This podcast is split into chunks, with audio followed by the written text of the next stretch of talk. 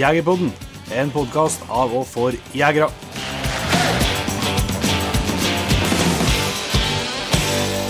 Hjertelig velkommen til en helt ny episode av Jegerpodden. Denne uken spilt inn i en ja, stor rød stuga i dype svenske skoger. Yes, For vi er jo på elgjakt. det er vi. Og det skal Tidlig vi komme september og varmt og Fint vær. og Ja, ja, ja.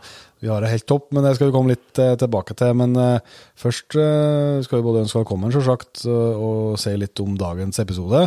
Det er jo eh, 9. september på kalenderen, og da vil jeg jo si at sannsynligvis, og noen som hører her, de er på tur på fuglejakt. Det blir seg jo til både med skogsfugl og ryper. For veldig mange. Noen har vel kanskje tjuvstarta i Sverige òg, men vi har tatt en prat med en kar som kanskje noen har sett i, på jaktfilm, med en Klausen. Han heter for Henning Mathisen, han karen. Yes. Eh, og hvis du har sett en jaktfilm, så har du sett en kar med et voldsomt engasjement og stor entusiasme for skogsfugljakta. Og viser enorm glede når det lykkes. Helt riktig. Og litt av det krydderet der det kommer i episoden her, og jeg må si at uh, her er virkelig en av episodene som eh, jeg har gleda meg til vi får del dele med våre fantastiske lyttere rundt om i landet. Så det kan dere se fram til ganske så straks. Men uh, elgjakta, vi har nå holdt på noen dager nå. Eh, ja. Det Tre- ja, tre dager? Tre dager. Uh, en død elg, Yep. og mye hundslapping. Ja. det er kort oppsummert, det. Ja, det. Nei, men det har jo gått eh, ganske bra. Det er jo ikke bare vi som er det. Det er jo en eh, veldig trivelig gjeng med folk fra flere plasser i Norge. Eh, og mye hunder. Stemmer. Så vi har hatt, eh, hatt det bra. Det har noe, eh, vi, må ikke, vi må nå snakke for våre egne hunder, vi da.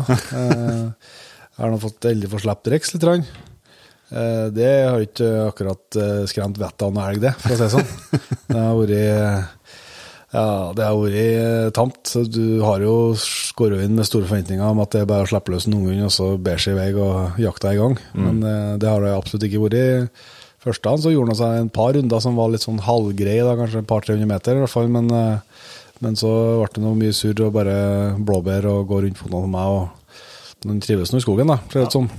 Men det er jo det herre som mange har kjent på før òg. Det er det er jo et Det er, en- det er en tålmodighetsprøve. Ja, det er det, altså. Ja, fy fader, da. Også, det som er fint, det som er fint nå, er jo at eh, det er jo eh, veldig lett å bare legge seg ned i lyngen og nyte sola og Jo, jo. la dem få holde på, Ja. kontra i striregn i oktober, liksom. Ja, og så har vi jo gjort det ganske fint på jakta her, syns jeg. At det er mye hunder og mye hundfolk. Så har vi liksom delt opp eh, Det er jo ikke alle som kan slippe eh, hvert drevet, men det har liksom delt opp sånn at eh, det slippes et par hunder som liksom det posteres på, og så de går et par unghunder på en litt annen kant. Og det er nå i hvert fall en trøst da, både for postene og for, eh, og for den som slipper. At eh, Ja. en får ro og kan gjøre det i ro og mak. Ja, så slipper å sitte og ha dårlig samvittighet for at eh, de som sitter på post, uh, Kjede seg. kjeder seg om å vente på at man skal kjøre en slags tilvenning på noen hund. Ja. Ja. Det, um, Så det har i hvert fall fungert greit, da. Men nei, det er nå Det er jo altså det, han, blir, han blir helt sikkert bra, det er ikke jeg noe redd for ennå, altså, men du får jo den her Nå har jeg vært heldig og hatt noen hunder etter hvert med, med greit søk, og når du da har en hund som du stort sett ser Jeg har ikke, har ikke trang trekker, for å si det sånn. Så eh, som du sier, det er en tålmodighetsprøve, men det er nå bare Men det er klart at du får ikke du får ikke noe svar heller eh, før de før eller snubler seg bort i en helglukt. nei, og så tror jeg det som er Det er på et vis bra for dem å, å bli sluppet i sånt terreng som det her, for det, ikke, det står jo ikke elg bak hver en busk her. Nei, absolutt ikke. Det er ganske langt mellom buskene å stå helg på. Så for de, de, de må jo ut og de må jo ut og, og lete for å Ja. klare å finne, finne noe interessant der. Ja, og så er det klart, altså, det som man skal måtte trøste seg med, og sånn som hvis jeg prøver å sette meg inn, jeg skal ikke menneskeliggjøre de hundene, men hvis jeg prøver å sette meg inn i, i Rex sine s- labber, nær sagt, så, så han skjønner jo ikke hvorfor, altså, han vet jo ikke hvorfor vi er her, og hva vi skal til med, og Nei, nei, han har ikke noe formening om, om det er klart en hund som har vært med litt. Den skjønner jo at nå er jakt, er sikkert på at det er andre folk, andre hunder, du er på en plass, og, og den vet liksom hva den, skal, hva den går til, og hva den skal gjøre. Ja. Men han har jo ikke noen forutsetning for å vite noe om det. Nei. Og når det da ikke kommer i elglukt, så um, skal vel ikke ha for store forventninger her, da. Men uh, Det var noen team musleting musleiting på Halen i dag, da, eksempel. men det, jeg, jeg tror at farsken er, men eh, jeg orker ikke å gå og kjefte heller på det når de begynner med sånn muse. Jeg at Jeg må bare få holde på med til han blir lei sjøl. Ja. Jeg tror du får bare, bare for å gjøre seg ferdig med. Ja, for at hvis du da kobler den og bare får en ny plass, så er jo, det finnes jo absolutt i musen sånn at, sånn at eh, da finner de bare men heller de får bare surre på til en blir eller rett og slett. Ja. Men uh, Diamond, han er nå Han er seg sjøl. Han er seg sjøl. Så han hadde nå en, eh, en første slippe så ble det nå et uttak som sto. Uh, Så tippa jeg at jeg klarte å surre, så jeg kom vel litt for nært. Så var ikke på tur å smyge inn på, liksom. Det gikk i hvert fall løst. Uh, og var nå egentlig veldig fin retning på lenge rett imot en post, men jeg fikk vel bedre til den posten til slutt. vinkla av, Men det var nok til at han hørte noe elgen og, og hørte det slo i krona, så det var vel en okse. Ja. Så nei, og de ser da ser lovende eh, ut, han altså. Han har jo faktisk eh, tre uttak på elg så langt eh, i sesongen alle tre har stått. Ja. Så hvis han klarer å holde seg, holde seg over 90 for eksempel, så, så blir vi giftige. ja. Nei, og så har han jo samme gjenkjennbare søket og, og trykket. Ja, Det er jo godt å se. ja, så det er veldig Jeg blir mer og mer glad i den hunden for hver dag som går. Så det er bra. Men uh, du har jo vært ute og sluppet uh, hund. Ja. Uh, hadde jo Det har vært mye som har foregått, så jeg kjørte jo først Lappen Brutus før sesongen eh, på ja, første dagen vi var her. Eh, det er jo sånn det bruker å være. Du har jo slipper å få sove og skyhøye forventninger, og så blir de brutalt brøt ned. Så, men det skal ikke Han gjorde seg noen helt greie runder og sånn, men det var litt mye Litt mye skopussing imellom de fine rundene, da. Ja. Men eh, det Når jeg har brukt, brukt ordet sånn førsteleppene? Ja, han har aldri hatt noen sånn gode førstelepp. Men det er jo, du vet jo hvordan den går på slutt, på, i slutten av høstene. Så, Ja. Du tror det skal fortsette der det slapp, ja? så kjørte han noe nytt slapp på den i dag. Men da når vi kom dit vi skulle slippe, så der sto det jo en elg midt i veien. Helt utrolig. så, så det ble litt, uh, litt uh, da, men uh, den elgen den seg ikke. Jeg så den på lang avstand, ja. Ja. Så den elgen seg ikke så hardt om, uh, hardt, hardt om at jeg kom kjørende, så det var egentlig bare å lure seg rolig tilbake, og så, og så slippe unna og la han få finne den sjøl. Og det gjorde han nå. Og det ble et uh, Ettersom jeg er i Sverige, så kan du jo si sakta, sakta Vågstånd. da. Ja, du tror ikke du å legge på to, mer enn to sakta, nei. Så gikk en eh, Ja, jeg har vel 16 minutters los, lostid, tror jeg, på, i starten der. Og så ble det noe Tror jeg fikk været til noen poster. der. Ikke noe som gjorde at han venta av og for bent hjem med naboen. Mm. Og siden det så var det egentlig ikke annet kontakt, men uh, han henger på som en bruker. da. Ja. Så, Ja, det ser bra ut. Godt å få den runde runden der i banken. ja, det var det. det, var det. Så um, har nå kjørt et slipp på hun eh, ekstra. Uh, mens, jeg- mens jeg så på post, så bare slapp jeg ut og lot jeg få holde på. Ja. Så jeg var vel løs i en og en time, og eh, det var ikke noe mange bling med eh, blåbærlyng og sånt som ikke var uprøvd. Innenfor en viss radius. Innenfor en viss radius på 200 meter. så det, det er bare å slippe, slippe løs eh, dem en tur hvis en begynner å bli litt høy på, på livet. Ja. Så får du brøtte det. Får justert det. Ja, det er noe der det skal være. Synd at ikke Freya kunne være med, Ja. men eh, det er så mye hunder her, og ja, min egen og med, hun må løpe til opp i det. Det er blitt bare, bare rot likevel, så vi får komme sterkere tilbake. Men det er, det er fint, ja. Å starte Å få litt tjuvstart på jakta. Ja, ja, ja. Ja, altså, ja, altså, de får ei sånn full jaktvekka her, liksom, så får du jo eh, det er, med, det, er jo ikke noe, er jo ikke noe trening som er bedre enn det. Nei, nei, nei.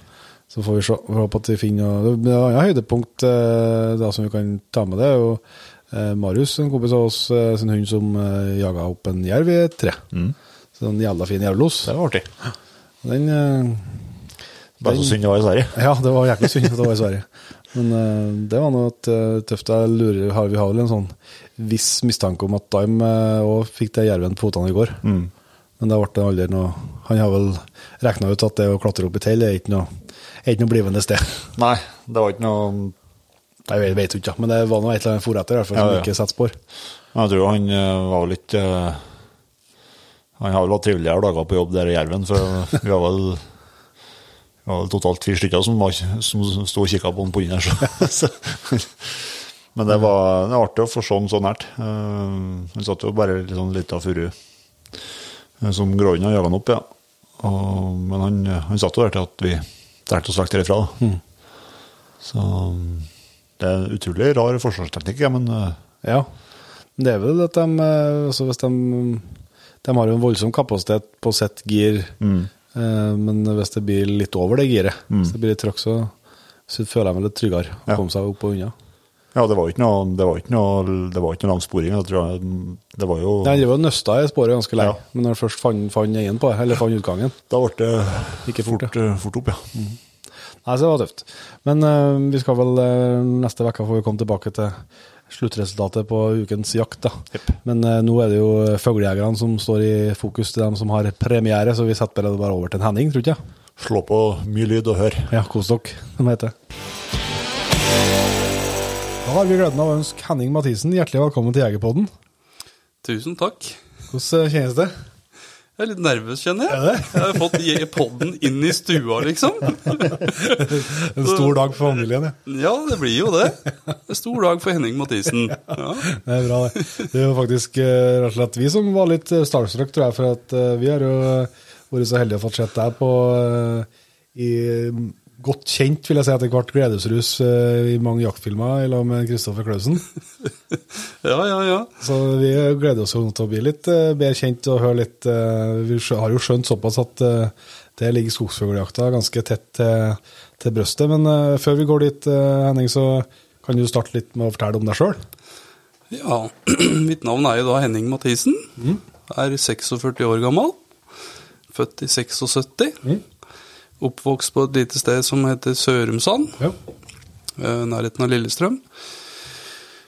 Eh, gått på skole her og surra her i barndommen med fisk og jaktinteresse. Og prøvde meg noen år i Oslo. Det var ikke noe for meg. Kom ganske fort tilbake igjen. Og havna her på Sørumsand og har bodd her siden. Har jeg vært her i 15 år. Men når du ikke er skogfugl, så er det rørlegging det går i? Da er det rørlegging, ja. ja. Jeg var ivrig på fotballen som ungdom, da. Ja. Eh, Satsa litt på det, men, men eh, jakta tok over. Det er Og fiske. Jakt, jakt og fiske. og fiske. Jakt og fiske kommer og redder deg. Ja, ja. Men det, det er helt riktig, det. Jakt og skog, det tror jeg kan redde mange. Det tror jeg. Og er du litt eh, livlig og virril i ungdommen, så, så tror jeg ikke det er dumt å oppsøke skogen. Det er mye spennende. Absolutt. Det er ikke, det er ikke noen innbytterbenk eller noen ting der ute. Ingenting. Nei. Og er du aleine, så gjør du alt sjøl, vet du. Yes. Alt din egen, egen vilje og bestemmer sjøl. Og... Og jeg vet jo at eh, du har lyktes godt eh, i skogen, da, så jeg skjønner jo at det gir ekstra motivasjon. Men, men hvordan er interessen for jakt og fiske og vilt? da? Hvordan, eh, når begynte det å komme fra barndommen? liksom det, eller? Det kom fra barndommen. Jeg hadde jo to foreldre som var utrolig flinke til å ta oss tre guttene med ut. Ja. Vi var jo tre gutter. Spiste dem jo ut av huset omtrent, men, eh, men bra har det jo gått. Men eh, de tok oss med ut, om det var bærsanking eller eh, fiske eller bare vanlig tur, så skulle vi ut, alle sammen. Og om vinteren så var det ski. Og fattern tok jo oss med, han var jo interessert i litt jakt, da. Som hadde drevet med det ikke sant, før i, før i tida. Og um, da var det bæremeis, da. Så vi blei jo tidlig, Tidlig krøka? tidlig krøka inn i skogen på hva som levde der, og hva som skjedde der. Og jeg kan jo ta den historien. Ja, veldig gjerne. Uh, sitter jo i bæremeis, da. Og uh, fattern prater jo om rev, ikke sant. Og så sitter jeg og tenker sikkert da og lurer på Spiser reven kjøtt, pappa? Ja. Ja, så er det jo han. og, og så går det jo en stund, da. Er det kjøtt på oss mennesker, pappa? Og det er jo ja, ikke sant? Ja. Men jeg har jo lært det etterpå at reven er ikke så farlig for oss mennesker, da. Nei, det går bra. Du, var, du begynte å bli litt, du kjente litt på en viss bekymring? i. Ja, jeg gjorde det, da. Jeg trodde jo det, det var farlige greier, At ikke du var, sant? Ja. du var åpen, kanskje? Det som er, det som er artig med unger, at det tar litt tid. Det, det ligger og grubler ganske lenge oppi skallen før at Grubler lenge før det kommer ut. Ja. Men det er moro, da. Og så er stort sett unger veldig ærlige. De sier jo rett ut hva de, hva de vil, og hva de ikke vil. Så det er moro. Nei, og så blei vi jo eldre, da. Når vi begynte å forstå litt ting og spørre spesielt da, om å være med, ikke sant? Uh, ti år var jeg vel med første gangen jeg var med faren min på fuglejakt. Støkkjakt, da, uten hund. Og å se de fuglene og det actionet som, som skjedde på de turene, liksom, det var jo Det pirra, det, altså. Var er nærområdet her, da? Det var Romeriksåsen? Det var, det var i nærområdet her hjemme, i Sør nærheten av Sørmesand. Og, eh, så det var jo kort kjørevei og alt det. Så, så han tok eh, Han spurte oss, og, men det var stort sett jeg som svarte ja til det, da. Men han var alltid fair og spurte alle, og de som ville, ville være med. Ja. Og så var det jo Farfaren min han levde jo av jakt og fiske. Så når det var sommer og skoleferien kom, så blei jo vi gutta plassert ut der. Og var jo der i flere måneder nesten. Men, men, eh, og farfaren min han var jo alltid tidlig oppe om morgenen. Skulle jo ut og fangste han til livets opphold. Og eh, vi hadde jo noe som vi kaller gutterommet der ute, og det var jo naborommet til farmor og farfar. Så vi kunne jo høre det vet du, når han skulle ut om morgenen, tidlig om morgenen. Vi skjønte jo at han skulle jo ut og fangste. Ja. Og nysgjerrigheten der vokste jo bare. Jo eldre du blei, jo mer du skjønte. Så og begynte han å gå til farfar da, og spørre om ting. Og da var han, var han alltid der. Han var aldri den som kom til deg, liksom, og skulle Men kom du til han, da lærte han deg alt, liksom. ja. Og det sitter jeg jo igjen med med masse gode minner i dag. Å være med farfaren min og skyte de første fuglene og er det, Og han hadde jo all oppmerksomhet på meg, ikke sant. Skulle lære meg. Han var ikke noe interessert i å skyte. Det var jeg som skulle lære dette her. Ja. Og det Det var der det begynte. Ja. Og så er det skogen, da. Men eh, det er eh, Hvordan har du du tatt det videre? Altså, hva er jaktåret ditt? eh, Hvordan ser det ut i dag? Hvordan Jaktåret? Hvordan, eh, hva er det du jakter i dag? Altså, Skogsfuglen har vi jo er kjent Ja, men ja. hva mer? Nei, jeg, jeg jakter på det meste småviltet. Ja. Uh, er jo særklasse i min interesse. Ja. Det er jo alt. Det er livet mitt. Men uh, rådyr, og da er det bukkejakta, uh, brunstjakta og lokking. Den står meg også ganske nært. Ja. Jeg har sett noen fine bukker her, så jeg skjønner jeg... at Ja da, jeg har én jeg kan skryte av. Jeg har kanskje to, men eh, den er ikke, den er ikke målt den andre, da. Men, eh, men det er en artig jaktform. Mm. Revejakt sammen med Kristoffer. Lokkejakt om, eh, om natta, f.eks. Eller åtejakt. Ja. Eh, Det fordriver jeg da mest på vinteren.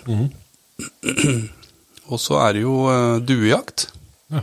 ja, for det er litt muligheter for jordbrann her, kanskje? Ja, her er det jo bra med duer. Ja. Og det er jo en sosial jaktform. Ja, ja. Det er en fin jaktform å ta med seg flere. Og man prater litt og ljuger litt og sladrer litt. Og så skyter man noen duer. Ja. Og Det, så det driver jeg litt med fram til skogsfugljakta begynner. For det er jo Da er det liksom kjørt. og så Før var jeg veldig ivrig på ender. Ja. Eh, Men det har gått litt bort etter at skogsfugljakta har blitt så mye Ja, som det er. For det konkurrerer liksom i tid. Ja, det gjør det. Det er samme tidspunktet. Og jeg har jo to hunder, og ja, da blir det liksom det. Altså, det er veldig lett for det. Det må, må prioriteres, ja. Ja, jeg føler det. Og så ja, altså, i tillegg til det, så det står jo noe Det er ikke bare gevir som er truffet her, det står noe annet truffet borte på bordet her òg. Det, det skjøttes litt med hagl òg. Ja, det er litt med hagl. Ja, ja. jeg skulle gjerne ha skutt mer, Ja. men det tar tid. Eh, Men, men eh, å skyte med hagl syns jeg er gøy. Ja. Det, det er bevegelse, og det er litt fart, og det, er, det smeller, da. Mm. Det, er, det er gøy. Og så er det kjempetrening til jakta. Ja. Og eh, det har jeg merka sjøl, Mm. for jeg var ikke noe, noe god skytter på skogen, jeg. Eh, Før jeg tok meg i øra og Henning, nå må du på banen, Mm. for dette går ikke an. For Stakkars hunden, liksom. uh, og, og, og så har det flytet, altså. Ja. Men nå, ja, nå er det vel på en eller annen topp før det går nedover. Jeg blir eldre, ikke sant. Så. Men jeg hadde vel en av mine bedre skytehøster i fjor. Ja. Som Kristoffer ble glad for, tror jeg. Ja. ja, det resulterte i noen bra filmer på kanalen hans, da. Så jeg anbefaler alle som driver med den fuglejakta, ut og skyt. Om det er uh, trappduer, altså. Det er trening. Deg og hagla, liksom. Det er, et, Hva er favoritten eh, din, da? det er sporting. Ja. Jeg starta jo litt med trapp, for, å, for det er jo veldig fuglerelatert, ikke sant? Ja. Men når jeg følte jeg beherska det litt, da, så følte jeg meg at jeg turte å gå på sportingbanen. ikke sant? For det, var jo, det sto jo folk med skytevester og briller og litt skummelt, ikke sant? Jeg ville jo ikke drite meg ut. Men eh, prøvde det, og fikk fort eh, ferten på det, og blei med på konkurranser etter hvert. Ja. Så 2017 begynte jeg vel på konkurranse. Det gikk bra. Ja, første året gikk kjempebra. Ja. Det var jo helt overraskende. da var jo til og med et landsdelsmesterskap Ja. på Brandval oppe i Kongsvinger. Så da dro jeg i land et sølv. Ja. Det var i 2017. Så har det vel eh, gått litt sånn opp og ned, som det går i skyting da, med alle, regner jeg med. Men eh, nå har jeg en sølv til, da. Fra forrige helg. Ja. Det er ganske fersk, den premien som står ytterst. Ja, jeg er en uke gammel. Jeg suger litt på den ennå. Men jeg må snart slippe den, for jeg skal skyte på lørdag igjen. Ja, ja, vi skal få deg ned på jorda nå, så. Ja, det er bra. Jeg håper det. Jeg er ganske landa der, jeg, altså. Jeg. Jeg har inntrykk av det, gitt. Men det, er det den her eh, Var det leirdusti du liksom eh, Ja, lerdusti. Det er det som er konkurransegrenen. Litt sport, kompakt sporting-konkurranser, men ikke så mye. Nei. Men uh, lerdusti, det anbefaler jeg stort. Men det, akkurat det du sa der, eh, det bet jeg merke i, akkurat det du sa der med at eh, de med skytevester var litt skumle. Mm. Det kjenner jeg litt igjen. Ja. Er de så skumle? da? Nå er du, du, en, nå er du i gjengen. Nå har jo jeg skytevest og briller, og jeg er ikke skummel. Nei, det er bare å komme bort. Altså, jeg, men, men, men jeg skjønner det. Jeg følte på det sjøl. Ja, jeg gjorde det. Eller jeg gjør det. liksom gå bort der til de gutta, liksom, og så skal jeg stå der og bomme. Mm. Men, men altså, de er egentlig der for å hjelpe deg, dem. Ja. Hvis du bommer mye eller et eller annet, så, så prøver de å hjelpe deg. Men så er det veldig artig å komme dit og ikke ha vest og sånn også, faktisk. Ja, da er du jo, da er du jo stor kar, da. Hvis du kommer med treskoa og, og vanlig skjorte og, og banker ned 25 duer, da, ja, da, da ser de litt rart på deg, tror jeg. De med briller og vest. Ja, ja, ja Pestorhval med radontenn på. Ja. Nei, så jeg håper folk uh, må ikke bry seg om det. Nei, er det, Nei, det er jo, for altså, det er jo, det er jo bare jegere og skyttere. Ja, det er det det er. Det er en og annen sportsskytter som ikke jakter, men stort sett så er det jegere, og stort sett så er jo folk veldig hyggelige. Ja. I hvert fall i det skyttermiljøet, det føler jeg sjøl i hvert fall. Når jeg har vært der noen år, og tør jo å gå bort til folk i hvert fall og prate, de prater også. Det er, eh, det er jo jakt og moro. Ja, det er klart. Men den her, eh, vi er jo litt sånn at vi må få høre litt hva som befinner seg i våpenskapet, for vi er helt kjent av hva, hvor ser eh, våpengarderoben til Mathisen ut? Den er ikke så stor. Nei? Det er ikke det. Det er noen hagler. Ja. Det er, det. er jo noen gamle som jeg ikke klarer å De funker jo ennå, Ja. men de har jo hatt, hatt med meg i mange år. Så det består av hagler, Ja. en salongrifle, og så er det rifle. Mhm. Så men hvordan hagle er det du bruker? Hva er det du har nå? jeg har en 12 kaliber mm. over og under. 71 langt løp, for de som bryr seg om det. Ja. Eh, Det er pga. at jeg føler at det er eh, hurtig opp. Jeg får hurtig, hurtigere oppkast med det. Og stort sett så er det For meg er det, opplever jeg mye korte hold i skogen. Ja. Og det er greit, greit å være kjapp, for jeg er ikke blant de kjappeste. Men, eh, men den føler jeg jeg får opp kjapt. Ja. Så, så det også er noe å tenke på for de som skal ut og kjøpe våpen. Mm. Kanskje ikke det lengste løpet, men eh, litt kortere løp. Og 71 er et fint eh, løp på 12 kaliber, er det jeg bruker da. Mm. Over og under. Det er jo det som er mest vanlig i dag. Mm.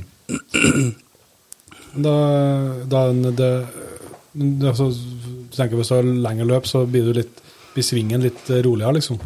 Ja, jeg har jo prøvd, prøvd det nå, for jeg driver jo og skal kanskje investere med noe nytt til neste Ja. år. Og eh, jeg har prøvd eh, 76 løp Mm. og 78 og 81.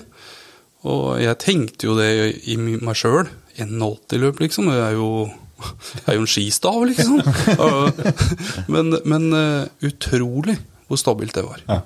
Hvor raskt du kom opp i dua, og hvor, hvor stabilt det løpet fulgte dua, liksom. Det var helt utrolig. For det, det sier jeg med 71-løp på duer på 30 meter, og følge den bortover. Det blir Det, det er litt mer eh, justeringer, altså. Ja. For det er ikke stille nok. Da ser du for deg å ha et, et med lengre løp til konkurranse og skytetrening, og så et kortere til, til jakta. Jeg tenkte det. Jeg tenkte jeg skulle prøve det nå. Så kjøre på litt neste år, og så se hvor det bærer hen. Hvis jeg får lov av min bedre halvdel her hjemme, da. Ja, for det er ikke noe, det er ikke noe, noe Star Baikal du drar til skogs med, eller? Ikke nå. Ikke noe, Ikke nå, men det er heller ikke noe- Det, det, ikke det, noe- bruker, det bruker å stå i skapene, det òg. Det, det, det pleier det. Ja. Men uh, jeg har en, uh, en Beretta 686 Ja. uh, som jeg her nede. Eh, det er ikke noe jålehagle, det, altså. Men for all del en god hagle å bruke på skogen. Og skyte lærdur med. Ikke noe Men i dag har jeg en Resini. Ja. Eh, S2000 heter den. Ja. Mm. Også en veldig god hagle å bruke.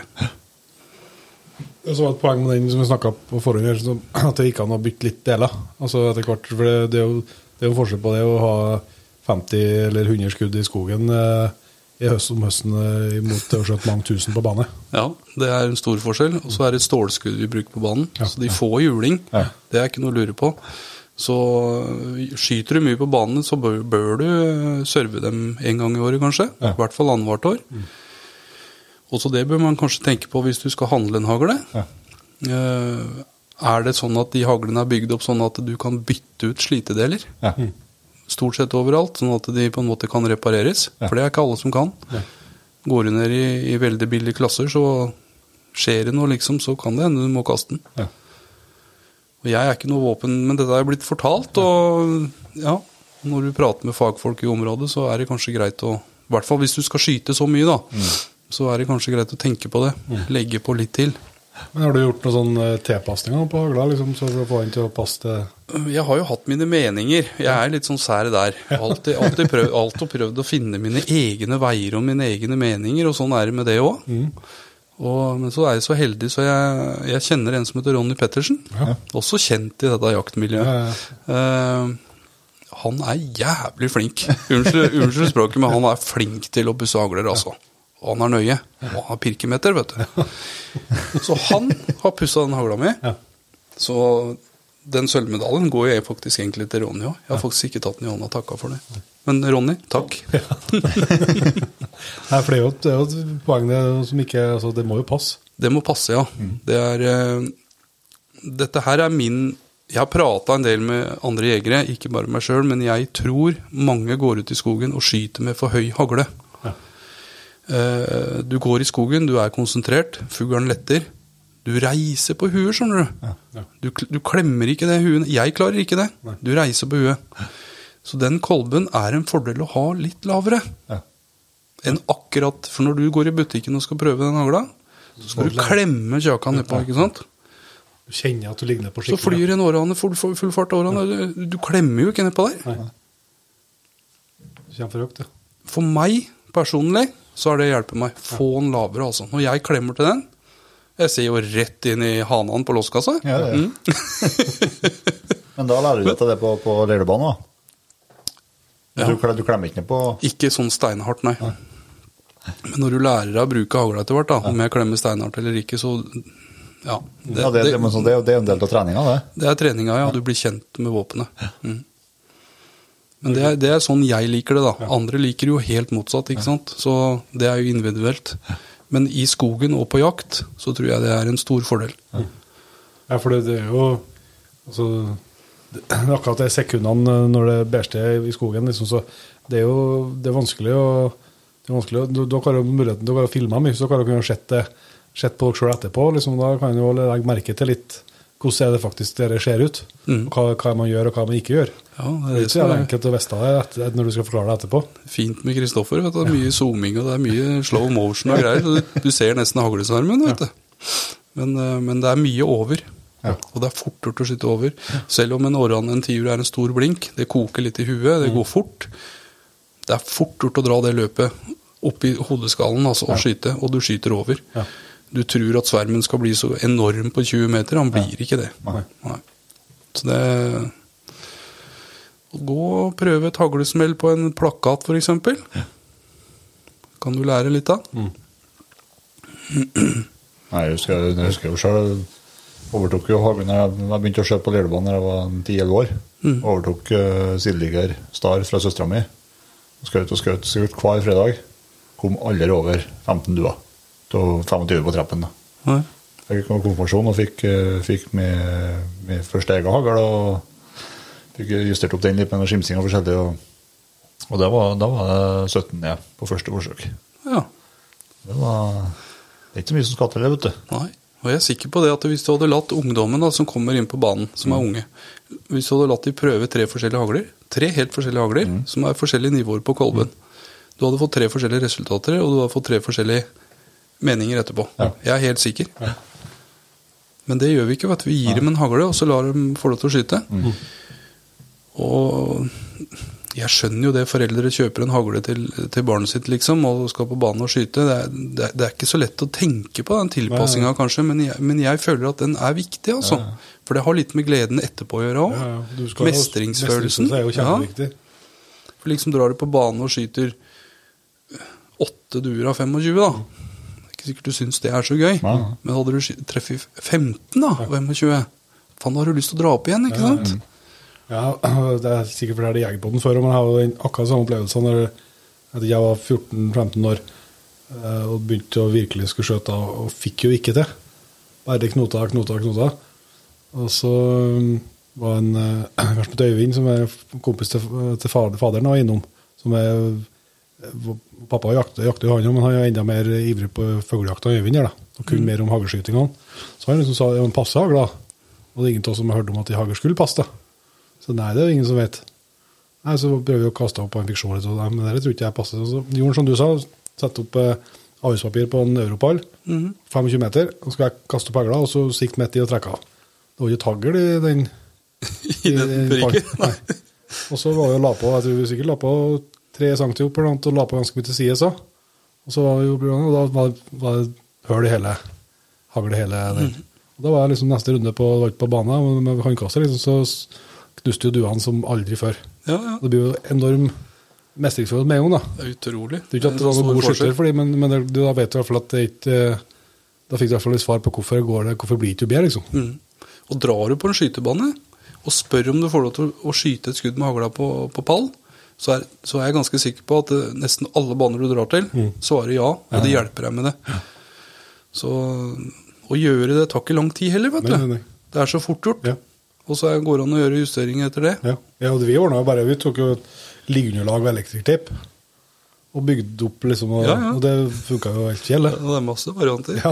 Ja, Hageslanger og ja, ja, ja. Så det ser jo ikke, det ser ikke- det ser jo ikke supersmekkert ut, men det funker jo på samme måten som at det er gjort med, med dyrt tre. Ja, si. ja, ja. ja. Det gjør det. Nei, men det er bra. Så, du sa jo to hunder, Henning. Hva, hvilke hunder er du har i dag? Nå har jeg en Gordonsetter og en engelsetter. Ja. Eh, Gordonsetteren min er åtte år, Ja. og engelsetteren min, den nye håpefulle, har akkurat blitt to. Ja. Mm. Så for de av dere som har fulgt med, så har dere nok sett den unge. Den har jo ikke Det er første året hun var med i fjor, på film, da. Ja. Så eh, hun har jeg faktisk eh, ordentlig tru på. Ja. Det, det er lov, det. Ja. Ja. Jeg håper det, Ja. av det dere har sett av henne. For det, hun er jo ung. Ja. Så Men det er den der Det er, den, det er kanskje ikke tiuropplevelsen med henne som har satt seg inn som den største hos meg. Det er, den, eh, det er røy som Ja. jeg felte ganske seint i november. Ja. Den tror jeg Klausen TV la ut som siste, av meg i hvert fall. Ja. Jeg tror det er to røyefellinger der. Ja. Hvor jeg kan gå opp til standen i hunden min. Jeg får øye på hunden min. Eh, Jeg tør ikke å gå inn mot bikkja, for det er så trangt der. Ja. Da tenker i hvert fall jeg at eh, nå ødelegger jeg situasjonen hvis jeg går inn her nå. Så da prøver jeg å gå vekk fra hunden min igjen. Det er ikke alltid er like stor suksess hos unge hunder. Nei, man kan bli De, urolig. de kan bli urolige, og de kan støkke fuglen. For de tror du faktisk stikker fra dem. Ja. Eh, men her velger hun å stå. Jeg går tilbake sikkert 40, kanskje 50 meter. Stor bue rundt. Jeg kommer opp over henne på en måte, så at Ja. jeg ser ned på henne på andre sida der jeg kom inn. Og bestemmer meg for å si ja.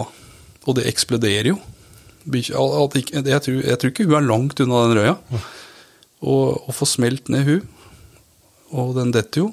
Og jeg kommer opp, og faktisk hun har røya i, i kjeften og leverer til meg. Jeg blir jo altså ja, er, ja, men jeg, altså, jeg elsker akkurat det der med, med hunden og den, den jakta. Du, du Jeg blir nesten på gråten. Jeg blir så glad. Og det, den sitter igjen som den sterkeste fra i fjor. Selv om jeg har skutt en duble på tiur, liksom, så akkurat å kunne få lov til å gjøre det der Så selv om dublen var bra. Ja, ja. for det, Vi skal ja, ja. vi må komme tilbake til dublen, Vi, ja, vi skal gjøre det. Ja, vi skal. Men, men hva er liksom, hva er klar- er det å liksom sette ord på det? Hva er det som gjør, hva fascinerer deg så mye med liksom, skogsfugljakta?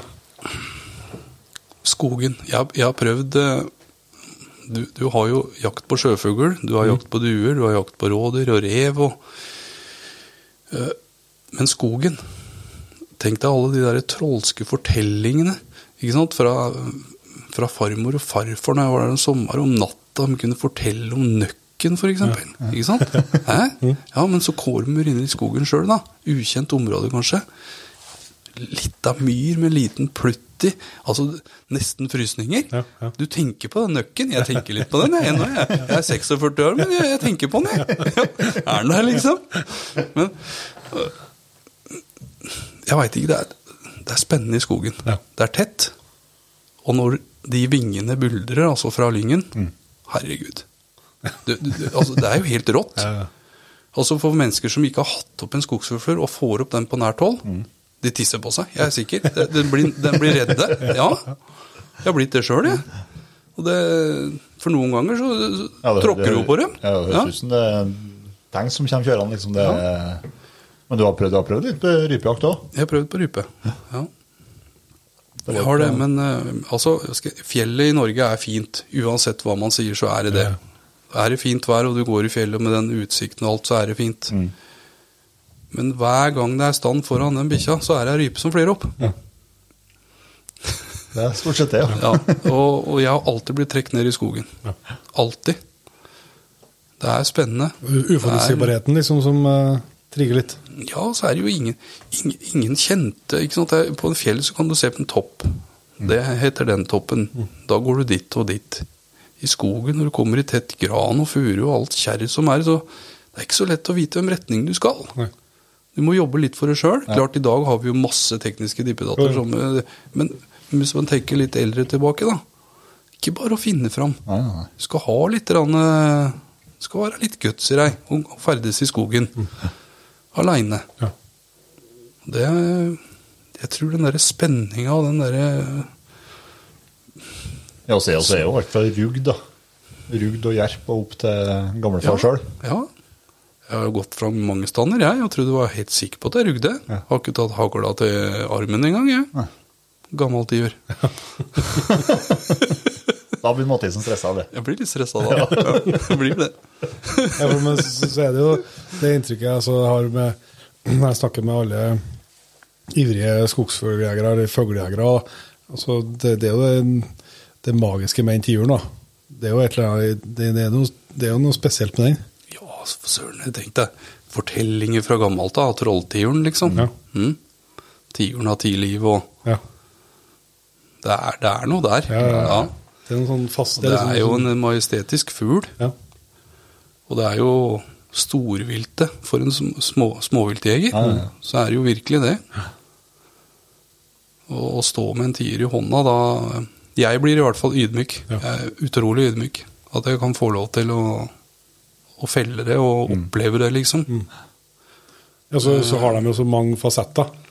Altså i hvordan de, altså, hva de er i stand til å gjøre for å komme seg unna. Altså, Mm. Neste gang så kan det være superenkelt, og så kan du Men altså det, det er den eh, Du veit aldri. Nei, aldri. Du veit aldri. Nei.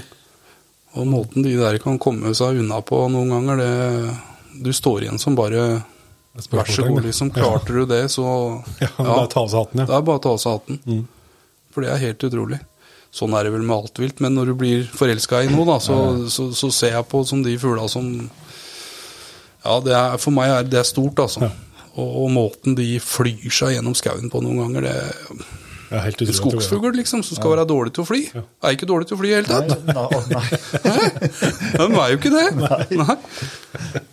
Det er helt sinnssykt. Nei, også bare det liksom Du hører først vingeslaget, og da spretter jo pulsen opp da, til Ja, ja, ja. De grader. ja, for det, det, er, det er den ene lyden du trenger. Ja. nå, nå. Går rett i hørselen, rett i øya, rett i skulderen. Det er bare et instinkt. Det er der fra starten av. Og det instinktet er ikke alle som har Nei. når det gjelder skogsfugl. Men det tror jeg har med uh, hvor mye du har vært ute, i. Jeg tror det. For, for Si du aldri har vært i skogen eller på skogsfugljakt før, da, så skal du plutselig inn, og så, og så letter en fugl. Jeg tror ikke det, Da tror jeg ikke du har alle de rette sansene for å være like rask, da. Nei. Eh, For det der går fra hørsel, øye, skulder. Altså det, det går i ett. Bang. Det Ja, går jeg fort. tar noe, jeg tar meg sjøl Nå er det mange år siden jeg har jakta mye skogsfugl, men jeg tar det meg sjøl altså, når jeg er enten er på tur eller, eh, eller på elgjakt eller hva, så, og hører så, Du kjenner jo at hendene er er på tur opp idet du hører de, fuglelydene. Mm. Sommer som vinter. Det er jo en sånn uh, oi, ja. Refleks, liksom. Ja, ja, ja. Jeg er på tur med hundene på våren, liksom. Ja. Før båndtvangene begynner og sånn, og du, du får se en tiur, da. Ja. Herregud. Det er, altså, det er jo deilig Ja, ja. å høre de vingene. Ja. Er, Og samtidig føler det seg lenge til høsten. det gjør det. Det er helt riktig. Det er helt riktig. Men før, jeg var, var verre på det før. Altså. Før så gikk jeg og telte dager. Skrev i boka. Kryssa av dag for dag. for dag. Ikke sant? Visste hvor mange uker det var. Alt. Timer nesten. Ja. Jeg roa meg litt. Jeg har klart det. Ja, så, så nevnte tidligere, og da, du, da brukte du ganske mange døgn på, på fugleleik òg. Ja, mye. Vært mye på fugleleik. Uh, det er gøy, altså. Ja. Å bli ordentlig kjent. Og, og bare det å finne opp en tiurleik sjøl. Kanskje ikke spørre alle, men hvor er det man finner tiurleik? Hvordan ser det ut på en tiurleik? Hvordan møkk er dette? Er dette en Er det spillplass her? Det er masse ting å lære. Ja. Men det å finne ut det sjøl, det, det syns jeg var gøy. Ja. Å kunne reise ikke på den samme leiken hver gang, men jeg kunne reise på forskjellige leiker gjennom hele våren, ikke sant? Ja. Tiurleiker, altså. Åreleikene er litt lettere å finne, de er jo der, men Ja. tiurleikene kan være litt verre å finne. Men også en liten mestringsfølelse, syns jeg, da. Som er glad i skogen, å finne det. Men dette ser jeg etter på høsten òg, jeg, skjønner du. Ja. Mm. Så jeg finner mange leiker på høsten. Ja. Hva er skjer etter, da? Spillmøkk. Ja. Spillmøkka er kort. Knudrete. Ja. Veldig kort. Og det er mange av dem. Ja. Tiermøkka normalt da, har jo den ostepopstørrelsen, ikke sant? Men, Nei, men Trøndelag er mer fallukorv. Ja, jeg veit det. Den var veldig stor der oppe. Jeg har ikke vært der noen gang, men jeg har aldri funnet de falukorvmøkka. Nei, jeg har ikke det. Men, eh, men jeg har en drøm. Jeg har en drøm. Har det. det er lov å drømme litt. det Ja. Men, eh, men, men i hvert fall spillmøkka, den, hvis du tenker deg den ostepopen, så deler du den ostepopen i kanskje seks bit- biter. Ja, sånn, ja. har du- da, har du- ja. da har du spillmøkka. Om, om høsten så er jo den veldig mørkbrun, da vil du se at den er gammel, ikke sant? Men, du, men finner du mye av den på enkelte områder rundt, da, på si omkrets på 5 ganger 500 meter, da, Ja. da har du en leik. Ja. Sånn har, jeg, sånn har jeg funnet mange. Ja. Tøft. Men uh, så vi er inne på tiuren her, da. Første tiuren, da. Første tiuren, den er ikke så spesiell. Nei. Eh, For meg var den jo spesiell, men situasjonen var ikke så spesiell. Nei. Eh, Jeg er på støkkjakt. Ja. Eh, Jeg får se tre tiurer sitte på bakken. På 70 meter, sikkert. Eh, Sniker jo meg det jeg kan, da. Og men de ser jo meg, alle ser jo meg. På 70 meter så har jo alle sett meg. De sitter jo med lang hals og titter og Jeg har jo aldri skutt tiur før, ikke sant? så du blir jo helt Du blir jo varm. og jeg går noen skritt, jeg vil komme på 50, tenker jeg. Da flyr den ene. Så går det noen sekunder, så flyr nummer to. Da er det den midtre igjen. Da får jeg gått jeg, jeg går inn på 35-40 meter og står og skyter den. Det er min første tiur. Den er utstoppa, den står oppi trappa. Ja. Gammel tiur. Mhm. Hva som gjorde at jeg kom fram der, har ikke peiling, jeg. Normalt sett skulle den flydd for 20 meter siden. Ja, ja, ja. Ja, sammen med de andre to. Men det er min første tiur. Det var din tiur, det. Det var vel min, da. Endelig fortjente jeg en tiur. Jeg, gått, jeg, jeg gikk mange år. Ja. Jeg var litt, var litt sperra liksom, for å få tak i den første? Jeg følte det. Ja. For det, alle andre fikk jo. Ja. Klarte det, liksom. Jeg, jeg hang etter der, altså. Jeg fikk, jeg hadde mine sjanser, for all Ja. del. Men eh, nei. Men det var min første. ja. Og så har det liksom Rull- Rulla på da, etter det. ja. Rulla litt etter det. Ja. Men for første, første, første på hund, da, den er jo mer det, Når jeg først blei For jeg begynte jo ikke med hundejakt før jeg var 24 år gammel. Nei. Da fikk jeg jo låne hund. Først så fikk jeg være med en eldre mann. Utrolig hyggelig mann som har jakta mye. Terje Reinertsen, mange som kjenner han. Birøkter fra Romerike. Ja. Ordentlig gråbjørn, kaller jeg han. Ordentlig luring. Men han eh, blei jeg med mye. Eh, og lærte litt om For det er jo ikke bare å ta en hund og så gå på jakt, liksom. Nei. Det, det er ting å lære. Ja. Og han tok seg tida til meg, liksom, og, og lærte meg dette her. Og viste meg bruken, og til slutt så fikk jeg lov til å låne den, vet du. Det var stort. Kunne jeg gå aleine med den, ikke sant. Terje var jo en dyktig skytter, ikke sant. Og hvis vi gikk sammen opp i stand, så var det som regel han som fikk med seg fuglen, ikke sant. Eh, der hadde jeg Terje og jeg var jo sammen en gang, og det fikk jo stand på tiur, da. Og vi går mot bikkja, så står bikkja mot oss. Ja. Og så ser du hunden tar et par små skritt, så letter tiuren og kommer flyvende mot oss. Og den, jeg skyter første skuddet. Jeg bommer jo, da. Ikke sant? Ja. Og så setter han seg ned på kvisten i, en på et, et furutre. da. Det er kanskje 20 meter foran meg. Og så tar jeg meg litt god tid, da, og idet jeg skal smelle, så smeller det jo fra, fra Reinertsen. ikke sant? Jeg blir jo nesten lei meg, ikke sant? Men jeg var jo glad for han, da. ikke sant? ja, ja. Og da sier jo Terje at jeg klarte ikke å vente lenger. Det var liksom aldri min, men, eh, men så fikk jeg låne den aleine. Ja. Da, da fikk jeg lov til å gå aleine opp i stand. Ja. Mm. Det var spennende. Tenkte jeg var første gang opp i stand på hund aleine. Ja. Men eh, da kom jo min første tier etter hvert, da. Ja. Og det var jo på deres hjemplass, Ja. Trøndelag. Ja. Og eh, kjempefine bratte granlier, vet du. Opp mot sånne kantfurumyrer, ikke sant. Midt oppi den ene granlia, der har jeg stand.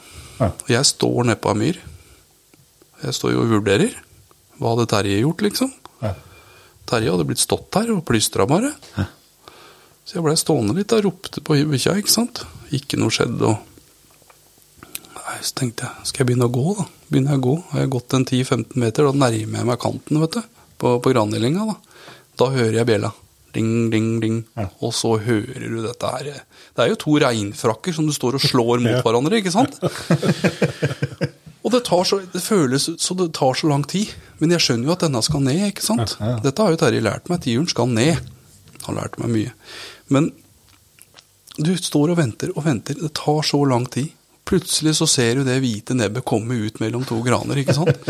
Og du skjønner jo at denne kommer rett mot deg, ikke sant? Og passerer meg på 10-15 meter.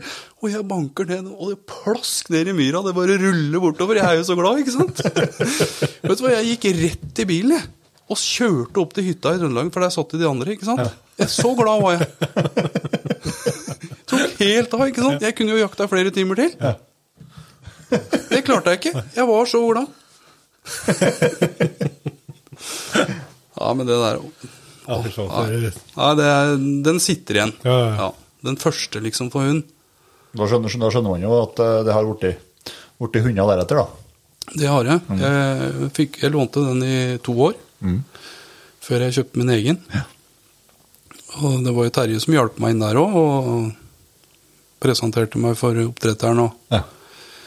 Fikk ordna meg inn på førstevalget der, da. Ja. Egentlig andrevalget. Men uh, oppdretteren syns jeg hadde så godt forhold til den som han egentlig hadde tenkt, da. Ja. Så jeg fikk den. Hun var med meg på tiurleik, hun er seks uker gammel. Men da fikk jeg ikke med seg så mye. altså Hun la og sov i beina mine i soveposen. Selv om tiura har spilt og slåss og det som er. Men når jeg var sju uker, fikk jeg fikk lov til å ta med da òg. Jeg lånte henne fra oppdretteren, liksom. da Hun skulle være med på tur, ikke sant. Og når jeg var sju uker, da hørte hun lyder, vet du.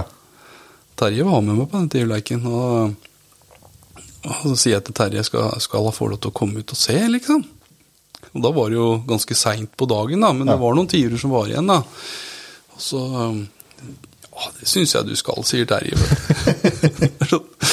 og så sier jeg liksom ja, da. Dytter henne litt ut. da. Går jeg opp på den fjellknausen der. Der, der står jo en tiur nede på myra, ikke sant. Så begynner hun å bjeffe på han. og så flyr han, men da blir jeg redd og kommer løpende inn i posen igjen. ikke sant? Men uh, hun blei en ordentlig rev på tiuren. Hun blei det. Ja. Men det hadde nok ikke noe med det å gjøre, men, uh, men uh, jeg kan jo velge å tro det. Ja, ja. Som en sånn liten Ja, greie. Ja. Ja. Men nå funka liksom fra Det var noe- det var første hund? Det, ikke, Det var min første hund. Det er ikke at man får, til, får det til å bli en, en fungerende jakthund, egentlig. Det er ikke alltid. Jeg har jo prøvd meg på tre nå, så jeg veit jo litt om det. Ja. Men, eh, men hun starta tidlig, Ja. og Terje, han birøkteren, sier jo til meg at du eh, bare vær med ut. Mm. Ta med deg ut. Bli med, la være med på alt. Jeg gjorde jo det, turte jo ikke gjøre noe annet, jeg. ikke sant? Tok jo med overalt. og... Så hun skøyt jeg fugler på som seks-sju måneder, jeg. Ja. I ordentlig stand, liksom. Ja. Men det skal sies. Jeg vil si, når jeg var 6-7 måneder, så vil jeg si at 70% av det var ramp. Men så hadde jeg 30% som var ordentlig. Ja. Så du visste jo aldri, da. Det gjorde jo litt spennende, det òg. Men hun var jo tidlig ute, da. Hun gjorde jo masse bra. Og så kom året etterpå. Da var hun jo, da var hun jo ferdig. Da funka det. Da funka det. Så hun var tidlig ute. Ble det liksom en sånn eh, tiurekspert etter hvert, eller? I mitt hue blei det det, da. Men du, men du veit det at eh, Jo mer du er i skogen, jo mer biotopkjent blir du også. På hvor disse fugla er hen, og hva orrfuglen liker, hva storfuglen liker. ikke sant? Det er forskjell på det. Ja. Så når du begynte å få litt greie på det, da, så oppsøkte du kanskje storfuglbiotopen mye mer, da. Da blir det jo kanskje at du får flere tiursjanser, da. Ja. Mm. Så, men som støkkjeger så skjøt jeg jo på mye mer årfugl enn storfugl. ja.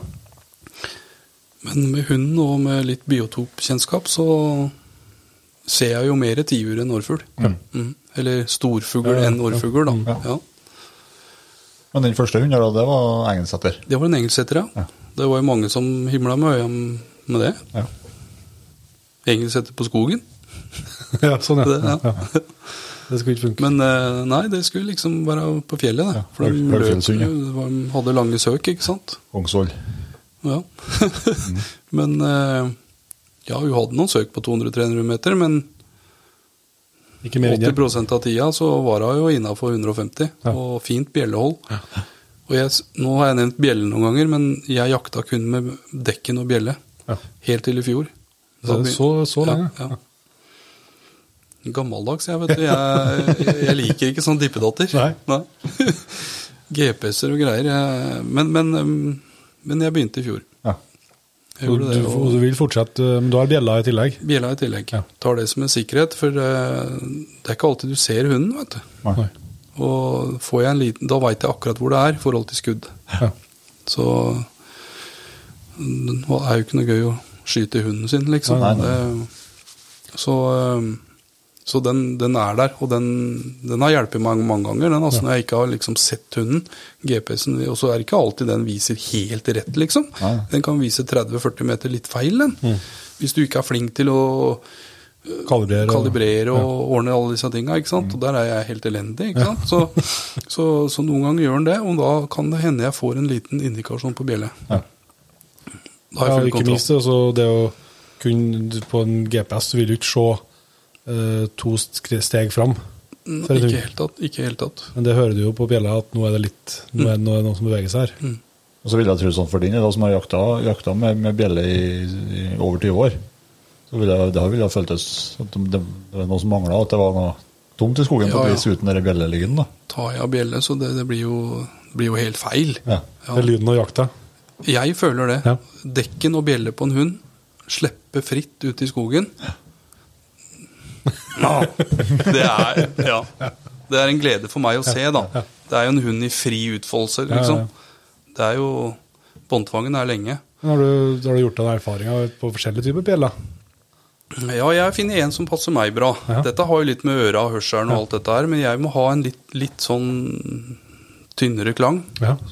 Da føler jeg at jeg hører den lengst, da. Ja. Hvis hunden skal være lenge unna. Og så føler jeg den gir tydelig klang hvis hunden gir små bevegelser. Ja. Akkurat som om hun Krever. skal sjekke at det her er, jeg tror det er noe her, fatter'n, men jeg prøver litt lenger. Det er eh, masse lyder i bjella som gir deg indikasjoner på hva som skjer Ja. foran hunden, liksom. Hører, hører du på bjella hvis hun går og foter, for eksempel? Ja, det gjør jeg. Du hører, du hører på bjella når hun løper, bare vanlig. Ja. Så kan du høre med en gang hun får lukt i nesa, Ja. og så begynner hun å, å, og søke etter lukta. Ja. Og på fotinga hører du det. Ja. Jeg tror det har gjort godt for kroppen den Henning om vi har tatt inn praten her i, rett før 25. august i stedet for i juni. Du hadde ikke klart det. Øynene bare lyser, lyser. Tenk, tenk deg 24. august og sitte her og prate. Jeg hadde ikke hatt tid til det. jeg. Ja. Det var oppunder taket her. Men eh, nå har du sagt at to hunder videre. Hvordan eh, har du liksom fortsatt med den taktikken med å ha med på alt? og liksom være, så så har du lagt opp eh, videre? Ja, første hunden min var jo veldig tidlig ute, men det var jo første hunden min, og dette syns jeg jo var kjempegøy. Eh, så til lærdom for meg og alle, så, så, så brukte jeg hun for mye. Eh, Jakta for hardt med for tidlig? Ja, jakta for hardt med henne for tidlig. Eh, det fikk jeg jo igjen for seinere. Ja. Hun, hun blei elleve, altså, det, er- så det er ikke det, men, men det er faktisk litt tidlig. Ja. Men den erfaringa tok jeg med meg til neste, så jeg ble mm, veldig forsiktig med hun. Ja. Og, men hun har vært med, vært med mye. Både på bærturer og soppturer og, ja, og mye på jakt, da. Men i mindre timeskala da, Ja. enn den første. Og det har jeg fortsatt med den tredje. Ja. Ja. Men eh, de skal være med, være med på alt. Om, du så, om du så skal en biltur til skytebanen, ta dem med. La dem hilse på folka. Kjøre hjem.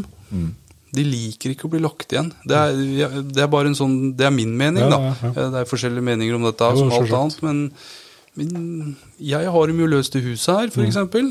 Eh, Det er min måte. Jeg, får, jeg føler jeg får en god kontakt med dem. Ja.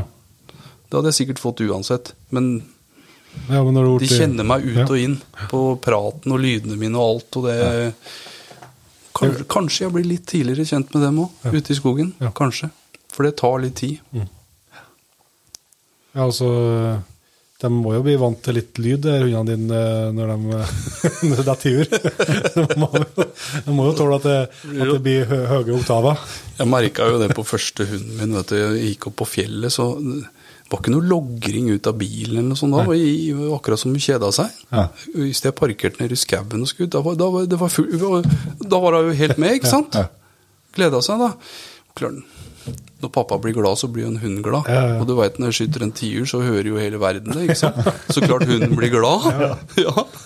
Så, så den forskjellen tror jeg hundene Ja, helt garantert. Ja, Det må, altså, de leser jo humøret vårt eh, med åpen bok, det gjør de. så det er klart de får med seg de høye toppene òg. Garant, garantert. Så det har jo hun der unge allerede lært, ikke sant? Det er jo, så jeg er veldig spent på, på neste år med hun òg. Altså. Ja, ja. Jeg- skjønner jo, altså, for det har gått så, så bra, så liksom, skal det fortsette, eller er det samme nivå? Altså, det, alt kan jo skje. Ja, det er det det kan. Ja. Og det er, det er en sånn smart, smart mann som har sagt til meg det. Han, han heter Ronny Pettersen. Nå får du veldig mye skryt, Han får, får mye skryt og litt for mye. Nei, men han fortjener litt. Ja. Han begynner å bli gammel og grå, han òg, vet du. Så han må få litt, må få litt skryt før han blir borte. Men, eh, men han sa til meg at når du setter deg ned tredje julekvelden med en hund, Ja. da veit du hva du har. Ja. Ja. Og det er det mye sant i. Ja. I hvert fall i, i, i skogen. Da. Ja. For etter det så da, da skjer det ikke så mye, altså. Nei, nei. Da er det ganske stabilt. Men så, altså, hund nummer to, det var Gordonsetter. Det var en gårdsetter. Og så nå ligger jeg i Engesetter i sofaen. Ja. Hva Ikke rasefantast, med andre ord. Nei. Gordonsetter jeg, Ronny Pettersen hadde jo to. Ja. Jeg har alltid vært nysgjerrig på Gordon. Ja. Eh, jeg så jo på, så jo på filma til. Klausen med, med Pettersen og disse gutta, og det var mye Gordon. Ja. Eh, men så har jeg jo en fantastisk samboer som la meg få lov til å holde på med dette. Mm. Elin hun, eh, hun hadde veldig lyst på Gordon. Og da Det var greit, ja. Som alle andre menn, så er det greit, det. er det ikke sånn, da? Det er Nei, ja, men det, det var helt greit, og, og det angrer jeg jo ikke et sekund på. Jeg gjør ikke det. Og, og India har jo vært eh, steinen til Elin, det. Ja. Hele oppveksten. Elin hadde jo et, eh, et hjerneslag for noen år siden. Ja. Så det tror jeg hjalp Elin litt også. Eh, Med å, at hun var her hjemme og passa på hun og fikk litt Ja. Så nei, India har vært en god gårdsetter, men en helt annen type hund enn den første jeg hadde. Ja. Uh, India var jo mye treigere ute. Ja. Jeg holdt jo på å gi opp, vet du. Rampa og rampa og rampa, vet du. Men så kom seint på høsten, når det kom ut i november, da. Du veit når alt løvfallet er ferdig, og luktene blir jo mye bedre. For en hund, tenkte jeg nesa på en hund, da. Tenkte jeg når løvfallet faller, liksom. Tenkte jeg all møkka de lukter. Ja. Det er ikke lett å finne streng til fugl da, vet du. Men når løvet kommer ned, det begynner å bli litt frost, og løvet liksom blir borte, da er det strenger altså å følge. Ja. Og da funka det, skjønner du. Da så jeg jo masse positivt, og gleda meg til neste år, ikke sant. Nei, og så var det på samme tull igjen. Ja. Så India var tre og et halvt år, hun. Da begynte hun å funke. Så hun brukte lang tid, altså. Så jeg hadde jo ganske mange år før jeg hadde det gøy på tidligjakta, kan du si. Ja, ja. Men da hadde jeg jo den gamle, da. Så, så det var jo liksom Det er lettere, lettere å være tålmodig når du har en som funker. Ja, det var, var nettopp det. Ja. Eh, så eh, Men jeg ga meg ikke. Jeg Nei. prøvde å få det til, og rådførte meg med, med Ronny, da. Mm. Og fikk det til. Ja. Og nå er jeg jo Ja. Det er en fryd å gå med India nå, altså. Det er det. Hun er sikker som banken. Mm. Ja. Og leser hun godt, og jeg skjønner når jeg er tiur. Ja. Hvordan, ser du det? Eh, Det hadde jeg på den gamle òg, Ja. og det er blitt veldig likt med India. Ja. Det gamle jeg har nå. Mm. Når India snur seg med huet og ser på meg i mer enn fem sekunder, det er Da ikke noe å lure på. Da er alvor. Ja. Så går hun tilbake igjen. Nå må du være klar, far. Ja. Ja, men det, det, er, det er ikke feil heller. Nei. Det er tiur. Tøft, det er gøy. Ja. Men det, men det tar noen år før du ser sånne ting på bikkja. Altså. Ja. Det gjør det. Jeg er enig i at hun skal gjøre det, og så skal du være i stand til å oppfatte det. Ja, ja. Det er jo like mye det oftere. Og det er mange ting på en hund som man skal følge med på. Det er Rapporteringer og alt dette her. Jeg- Jeg prøver å være var på det, men det er jaggu ikke lett å se, altså. Men uh, Nei, Jeg tror ikke det blir enklere å se med en GPS heller. nei, jeg tror ikke det, for du ser mye på GPS-en. Gjør det. Eh, Med bjelle så, så har du mye mer fokus på hunden og det hunden gjør. Ja, ja for du må følge med, Ja, ja. ellers så blir det det du bak. På GPS-en så kan du faktisk eh, bare slappe av og bare følge med på GPS-en. Men jeg tror du lærer lite av hunden. Ja. Det tror jeg. Mm. Jeg tror det var et godt tips å, å ha den i, ha den i sekken, ja. Eller jeg syns jeg har fått det på klokka. Ja. Jeg har vært på fuglene, og det syns jeg er en kjempesak. da. For da kan jeg liksom bare ha GPS-en i sekken, mm. og så får du liksom ja, det, Du får et varsel hvis hunden står og det er en stand. Mm. Eller så kan du si ok, hun er 80 meter sånn. Ja, da vet du liksom vet du det, Så kan du jo ta turen dit hvis du ønsker, eller stå og vente og komme tilbake, eller uh, uten at du liksom trenger å, å fordype deg noe mye i en skjerm, liksom. Mm, mhm. For det er fort gjort å rote seg bort da. ja. Jeg har prøvd det så mye jeg kan med den nye nå, at jeg har eh, GPS-en er i lomma Ja. til det vibrerer. Ja. Eller så prøver jeg å følge med så godt jeg kan på bjellelyden. Ja. Jeg, jeg klarer ikke å gi slipp på det, men det er nok pga. at det er så sterk vane at det, det er liksom Men jeg vil under huden på dem, da. Ja. Jeg, jeg vil på en måte det. Og det, det tror jeg er en bra ting som en å bli ordentlig kjent med dyret ditt. altså. Ja. Så kan hende jeg har henta noen fugler på det. Veit ikke, men Nei, det er vanskelig å se. Det. Ja. Men hvis vi går til den eh, liksom, praktiske jakta for din hvordan, eh, hvordan ønsker du å legge du opp dagene liksom, når du er ute og jakter? Du jakter og stort sett alene, forstår jeg? jeg jakter stort sett aleine. En særing, vet du. Nei, men jeg føler jeg har veldig kontroll aleine, Ja. eh, med lyder og alt. Ja. to stykker, eh, det er koselig det, ikke misforstå, altså. Ja. Men, eh, men det er mer lyd, mer bråk. Det er eh, Men da er det også greit å kanskje gå med en litt eldre hund. Ja. Eh, Men, eh, men jeg liker meg godt aleine. Jeg starter jo 25. august, selvfølgelig. Ja. Da er den jo full av Ja. Du sitter og rister, ikke sant? Men, men, men nå skal jeg fortelle deg en hemmelighet. Ja. I fjor så var det øs pøs regnvær, og det blåste full kuling. Ja. Da sitter det altså Kristoffer Clausen og Henning Mathisen. 25. august i fjor, så satt vi på hytta. Vi var ikke ute. Oi, oi, oi. Det er helt på. Det er ikke mange som veit. Dere holder på å gammel. Hæ? Dere holder på å bli gammel. Ja, vi gjør det, du. Ellers er, ellers er det rutinen. Ja, det kan Ja. Jeg velger å ta rutinen. Nå skapes det overskrifter. Ja, Jeg. jeg, tror det. Men det blåste nesten like ille dagen etterpå, men da regner det ikke. Nei. Da, da klarte vi ikke mer, altså. Så, så så gamle har vi ikke blitt, men da måtte vi. Nei, for regn og vind er ikke noe gunstig kombo. Nei, jeg syns ikke det. Fuglen blir veldig ofte lett. Eh, Så mister er- du mye sanser sjøl, da. mister veldig mye sjøl. Da må du jo stole mer på GPS-en, da. Mm. for du har jo null hørsel. Ja. Når det gjelder bjeller, i hvert fall. Ja.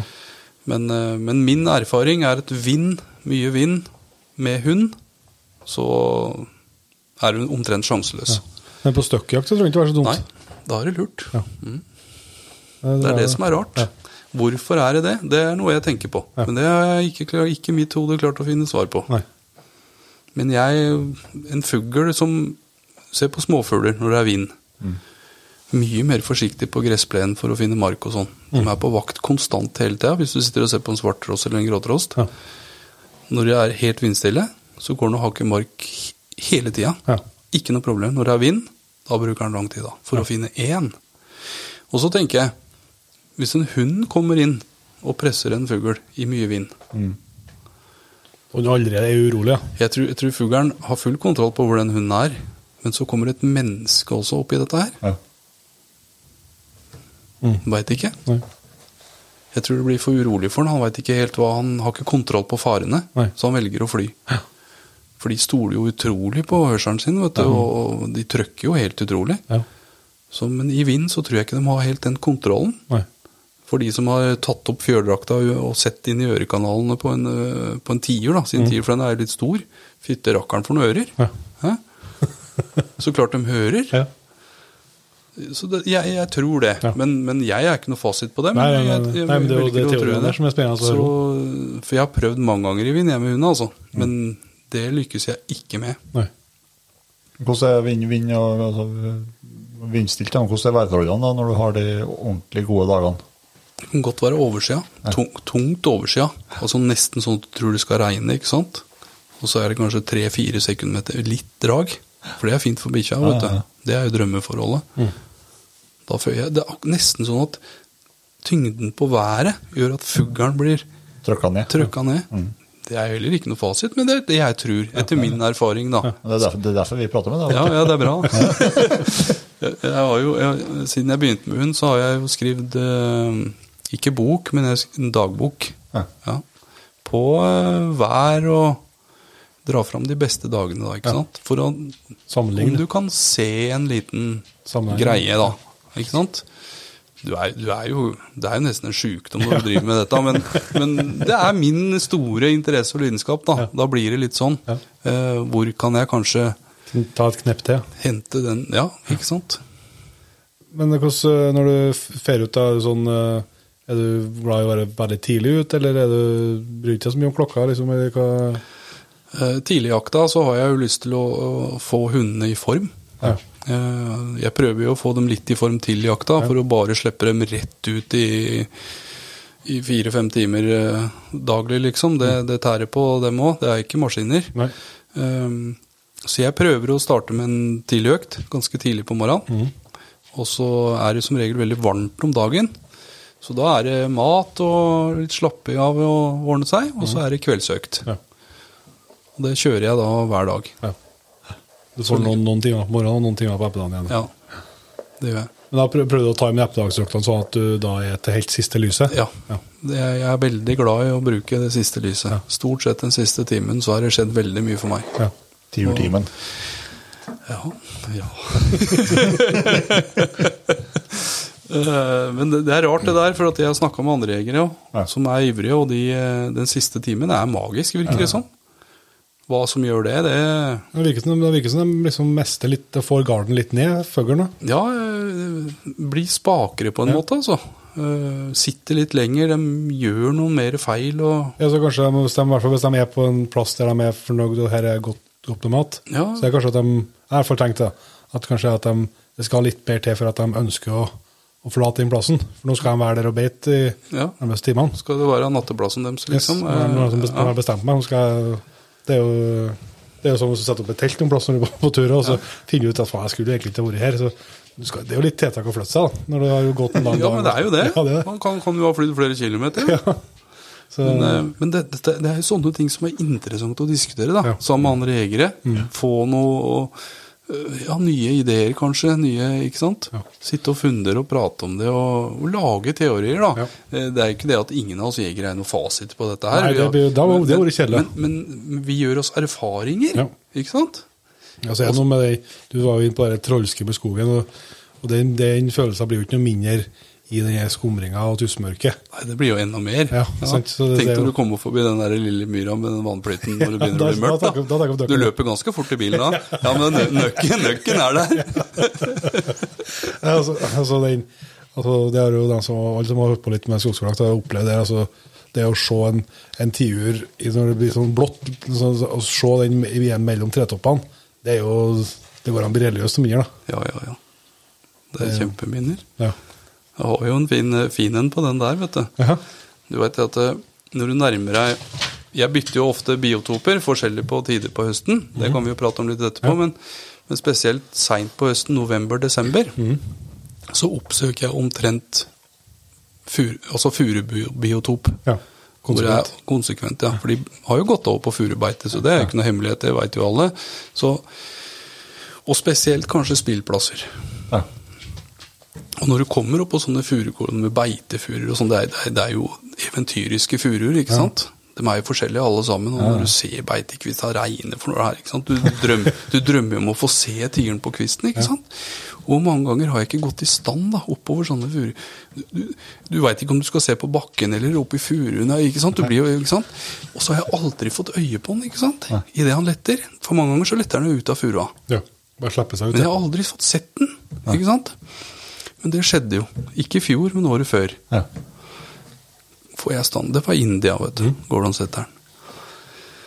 Stand oppover en sånn kolle. Ja.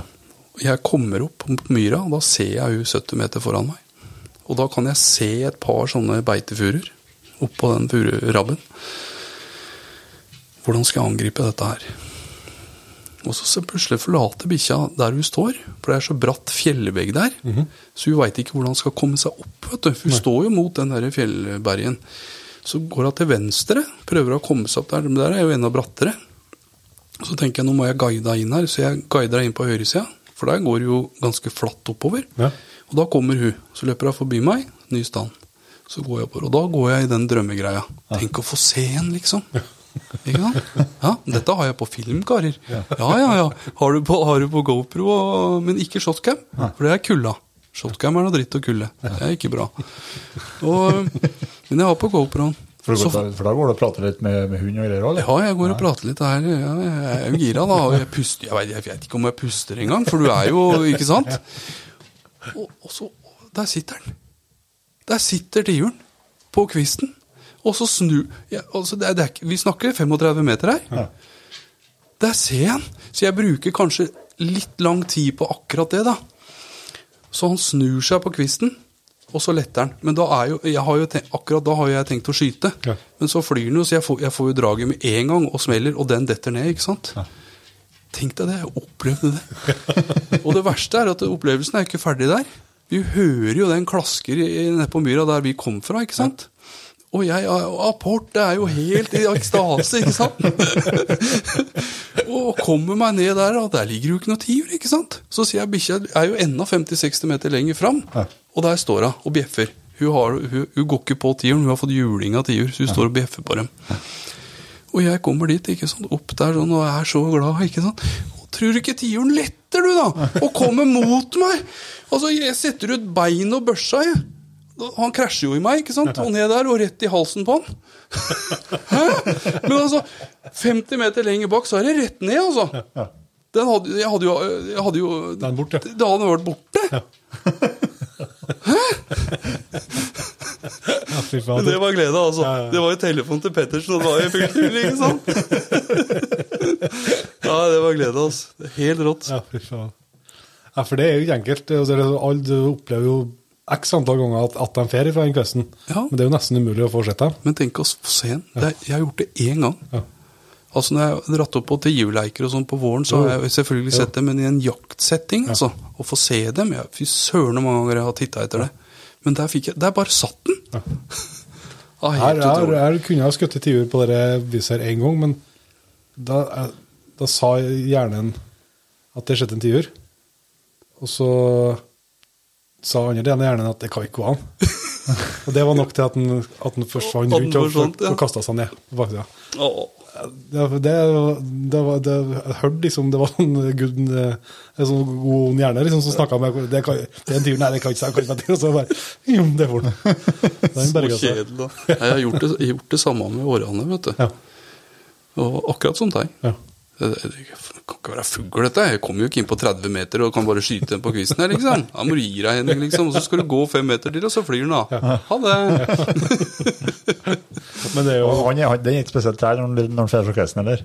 Mm? Den er ikke spesielt treg når han drar fra kvisten eller? årene? Årene, herregud, det er jo 0 til 100 på to sekunder, eller? Det er, det er helt sjukt. Ja. Mm? Det er fantastisk. Men, eh, men så bruker terrenget og så forskjellige biotoper. Hva er det du, du har forskjellig, på forskjellige tid i sesongen? Hva er det du legger i det?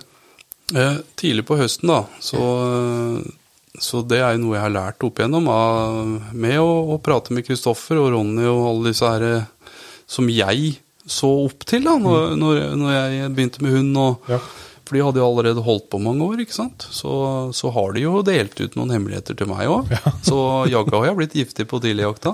Men, men tidligjakta så er det bløtt og trangt. Ja.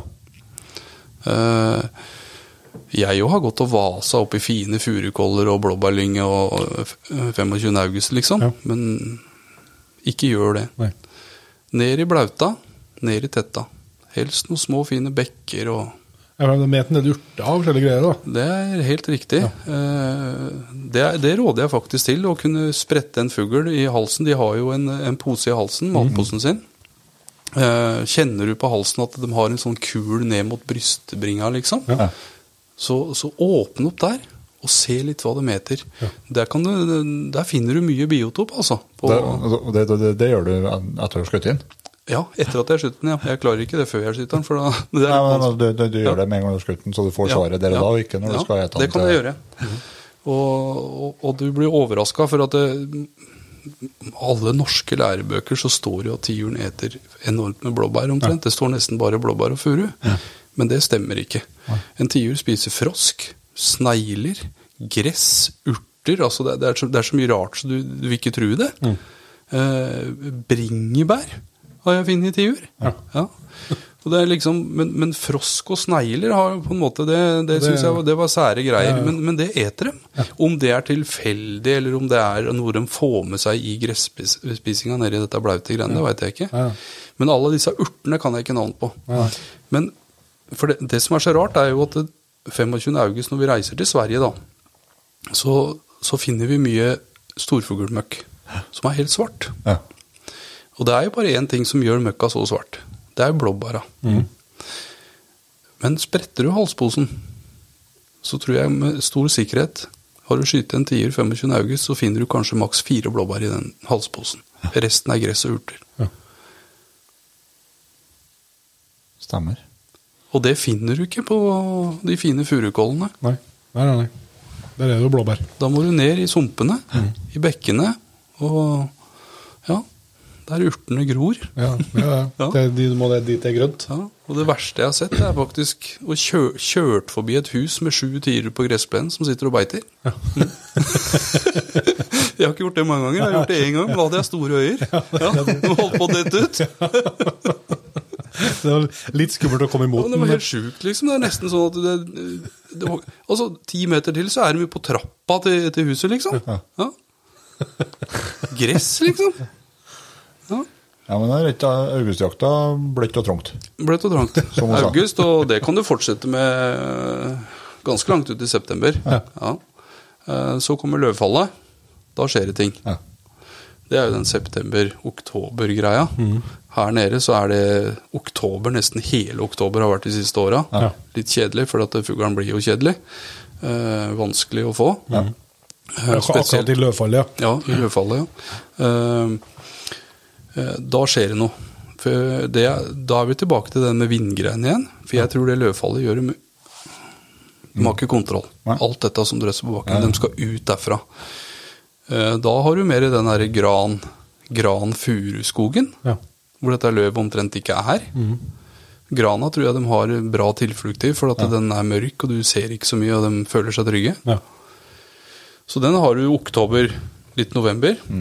Og så kom, begynner frosten å komme og alt dette her. Da føler jeg, etter min erfaring, at de da kommer opp i denne fine skogen. Ja. Her hjemme så er, på Østlandet så er jo den fine furuskogen som står 80 furu, noe gran, ikke sant. Fine blåbærlynga, spillplassene. Men når du har eh, De er de, de, de, de, de, de som er attraktive i Ja, for da går de over, da ja. går de over for furubeite, vet ja, du. ja. Så da finner du dem jo der, egentlig. Men nå snakker jeg nesten bare om storfugl. Eh, det er ikke helt meninga det, men, men det er jo det som ligger meg ganske, ganske nært. Men, men det er min erfaring på storfuglartene, i hvert fall. Ja, for- Tre forskjellige områder å ja, jakte på. Ja, altså Orrfuglen kanskje mer det, jo, det kan jo være storfugl der for all del, men, men det er jo en del store høgsfelt og tyttebær ja, står jo seg lenger, og sånn, de jo, kan være hissige på det. da. Ja, ja, ja. ja. Orrfuglen spesielt, Ja, men, spesielt. men tiuren og det, altså. Kant, kantsone på fin furu granskog, også et hogstfelt, det er jo bankers. Ja. Mm. Men det er ikke litt sånn på skogsfugljakta, da? At det er jo det er noe storfuglen du er ute etter, og så er orrfugl og alt sånt en bonus? Det blir jo det. Ja. eh, når jeg gikk støkket uten hund og sånn, så var var jo alt en bonus, på en måte. Ja. eh, og da så du jo mye årfugl. Du gikk kanskje mer årfuglbiotop også. Mm. etter hvert som du fikk hunden og begynte å få litt sansen for de litt større, så, så blei jo biotopvalget veldig enkelt, da. At du legger rutene til der du mener du skal finne storfugl. Eh, og da blir det jo litt sånn at eh, årene du treffer på, blir jo en bonusen, da. Ja. Mm. Men er det når eh, Det er veldig spennende å høre litt eh, dine erfaringer og tanker om altså når, Det er jo selvsagt ikke en, verken en fasit eller ett svar, da, men altså når eh, hund tar eh, stand eh, hva, er du, hva, er hva tenker du, og, og hva liksom prøver du Ønsker du å være eh, Ønsker du å følge på hunden og gå i lag med den, eh, eller ønsker du å posisjonere deg og gå rundt så du vil komme inn, at du vil ha fugl mellom deg og hunden, eller altså, hva hva er liksom dine tanker og teorier om den, den, et viktig stadie i jakta? Jeg har mange tanker om det der. Jeg har prøvd mye, mye greier. Ja. Det, det skal jeg love deg, mange har gjort. Ja. Eh, men jeg prøver så godt jeg kan å, å komme meg opp så jeg ser hunden. Og så tar jeg på en måte valget mitt da. Eh, ser han litt biotopen, selvfølgelig, hva jeg tror. For er det tiur, så kan det hende jeg gjør litt andre valg enn andre fugler. Men, men stort sett, i hvert fall en ung hund, så vil jeg være med hunden. Vise at jeg er der. Men på en eldre hund så kan jeg Jeg vil jo vise hunden at jeg er der, sånn at hun skjønner at jeg er med på, dette er jeg med på. Men da kan jeg velge å Spesielt hvis det er helling i terrenget, da. Ja. Så vil jeg alltid komme på nedsida. Mm. På nedsida og litt på front av hunden. Ja. Jeg tenker jo, ti, jeg tenker jo tiur. Jo, hver gang det går på en stand, så er det jo tiur. ikke sant? Men, men, men, det føler jeg har lykkes veldig med, for tiuren er stor, og tiuren vil ofte ned. Eh, Så å legge seg under hunden er, er smart. Eh, Kommer du på en kolle da, og bikkja har stand med nesa omtrent ned, ned i et juv, på en måte, altså mm. det, så pleier jeg aldri å gå opp i ryggen på hunden for, for å komme over kanten. Nei. Nei. Da begynner jeg tidligere å gå av, så jeg kommer rundt og kommer ned der hun står og ser ned på. da. For å prøve å lure fuglen, på en måte. For å, alt handler jo om å komme nærme fuglen og få en skuddmulighet. Eh, For, eh, kommer du bak på hunden da, og du viser av kammen, så lettere. Ja. Garantert. Og Da er sjansen borte. Da, da blir det for langt hold, og da er jeg en dårlig skytter i hvert fall, når du begynner å dra på 40-50 meter. Ja, og så ja, så får du nesten ikke se fuglene sånn sånn situasjon, tenker jeg, så du, den bare, du hører Så bare. jeg prøver å tenke og gjemme meg mest mulig, samtidig som bikkja skal vite at jeg er der. Ja. Sånn at det Men hvis ikke, hvis ikke hun ser deg, da i- i- Det hører meg, vet du. Ja, du, du Jeg avgir, krem, krem, Ja. avgir lyder. Jeg krem, er kremter mye. Eh, Kristoffer er kanskje litt sånn ja, må ikke kremte så mye, for da hører fuglen deg, ikke sant? Ja. Men, men jeg, jeg tror ikke han bryr seg om det. Jeg kremter litt, hun merker at jeg er der. Ja.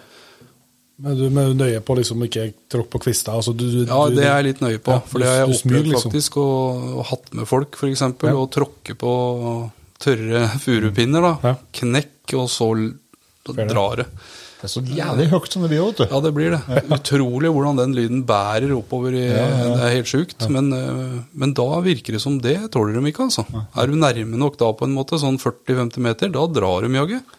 Ja, så er, det er jo en lyd som de kjenner igjen fra skogen. At Det er nå, nå er det fare på ferde. Og Mathisen kremtes så. Ja, ja. men, men det jeg, jeg tror de kjenner igjen det, selvfølgelig. Men, eh, men jeg opplever at de flyr da, altså. Når den knekker. Så jeg er forsiktig. Og så har jeg en annen hemmelighet. Jeg går med gummistøvler. Ja. Det har sikkert mange lagt Ja, merke til. Én ting med det er at jeg, jeg begynner å bli eldre, men det trener mine ankler. Eh, En annen ting er at jeg føler at jeg, jeg går, har mye mer kontakt med underlaget i naturen. Ja. Og jeg går stillere. Uh, om jeg kommer noe nærmere, veit jeg ikke, men det er en, det er- enda en ting som jeg tenker at kanskje Det er jo lettere å skje kjenne en kvest under, eh, under en sånn Mye lettere. enn en kraftig Ja, ja, ja. Det er uten tvil. Det er to forskjellige ting. Ja, det.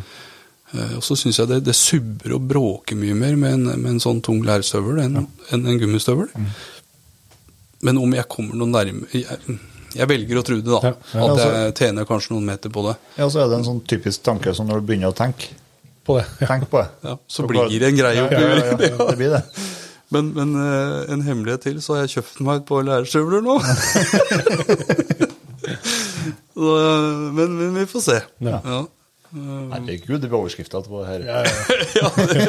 Mathisen har kjøpt lærstøvler. Nei, men det er, men det er helt, altså, jeg bruker ikke, jeg bruker ikke gummistøvler, men uh, siste par sesongene så har jeg brukt en sånn veldig sånn, sånn superlett eh, Det er jo ikke lærsko, men det er jo jaktsko, men det er så, sånn superlette. Og de er jo litt uh, spekrere i alle retninger. Jeg føler at, jeg, at du, du får litt ja, litt feeling på, på naturen, da, på, på underlaget, rett og slett. Ja. Med sånt eh, tidligere har jeg hatt veldig sånn kraftige jaktstøvler som er bra når du skal bære tung sekk, liksom. Men som tar, tar bort litt følelser. Ja, jeg, jeg føler det helt klart. Altså, jeg har mye mer kontroll. Mye mer følelse. Men er, er du nøye på resten av klesplagget, og at det skal være noenlunde lydløst, det òg, eller? Jeg syns jo buksa bør være lydløs også. Ja. Ikke går der og skraper og bråker. Og jeg, ja. Jeg, li, jeg liker å høre ting, på en måte. Eh, skal det bråke for fælt, så blir det Det blir i veien. Føler, ikke, jeg, føler jeg blir litt blind, da. Men en Så- ting som, eh, som er, eh, jeg har en oppfattelse av det er det med, med vind. Altså, en ting, en ting vil, vind vil jo fortelle eh, noe om hvor fuglen ligger i forhold til hvor hunden står hen. Det er jo selvsagt en sånn åpenbar en. Men jeg har hatt en en følelse jeg har holdt på med her, at hvis jeg kan komme meg inn eh, dit jeg ønsker uten å slippe vind av meg sjøl inn på det jeg tror fuglen er, Mm. så har jeg en tydelig opplevelse at det er en fordel. Det er en stor fordel. Men jeg har snakka med mange, mange som ikke sier at det har noe å si, men jeg har den, i hvert fall den opplevelsen. Ja, Altså. jeg òg føler det. Ja. Hver gang jeg kommer opp til en stand sånn, ikke hver gang, men av og til, så, Nei, så så, så er huet ditt med, da. Ja, du altså, å tenke nå, har du, klart. nå har du ikke valg. det må bare. Mm. Men når du kan unngå det Jeg prøver, det- prøver det. ja, For de, de, må, de lukter jo. De lukter. Jeg er helt sikker på at de gjør det. Ja. Og jeg er sikker på at de ser eh, farger. ja. Og kontraster, Sterk, ja. kontraster og sånn, så- så du klarer å gjemme silhuetten sin. ja. Prøvd mye av det på orreleiker og sånn. Ja. Eh, knallrød fleecegenser, f.eks. Ja. Da virker det som de blir helt sjokkert. Ja. Eh, Men, men, men om det har så mye å si om du kommer nærmere eller ikke, det, det, vet, det har jeg ikke prøvd. Nei, jeg har alltid nei. kledd meg litt sånn for skogen og jakt, da. Ja. Eh, Men, men jeg, jeg, særlig i august tidlig så går jeg jo i T-skjorte. Jeg har jo hvite armer og liksom Ja. Men, men jeg prøver å komme meg stille, og så tenker jeg også vind. Ja. Eh, For det tenker jeg litt på hvor fuglen kan ligge, da, forhold til hunden. Ja. For det er ikke alltid nesa til hunden peker akkurat der den fuglen sitter. Nei, og så tenker jeg at jeg, at jeg tenkt sånn altså, Den vinden er jo så Det er jo det viktigste på om du jakter elg eller rådyr eller rev eller sånn, så er jo det det viktigste. Mhm. Det er veldig rart for at det ikke skal ha noe å si på fugl. Ja, jeg, er veldig For det er jo et byttedyr, det òg. Mm. Sånn eh, Dette har du jo ikke tenkt på lenge, du òg. Ja, det. ja. Så, men så har jeg liksom snakka med ganske mange, også, så det er godt å få litt støtte. da, For at jeg har liksom opplevd det at Nei, men det, det, det tror ikke jeg har noe å si, liksom. Og så tenkte jeg, det er sikkert jeg som en tar, tar feil av, men det er i hvert fall to. Altså. Ja, Nei, jeg, jeg tror det har noe for seg, ja, og er det litt vind, kan du si, så jeg tror du kommer stillere fram òg. Ja. Tror ikke ja, ja, nei, du, ja. du slipper ikke lyden innpå her på samme måten, nei. Det er klart, det gjør du ikke. Så alle disse små tinga, dippedatene, det, det gjør at du kanskje Får kommer de meterne nærmere Ja, da, og får en god mulighet til å skyte, da.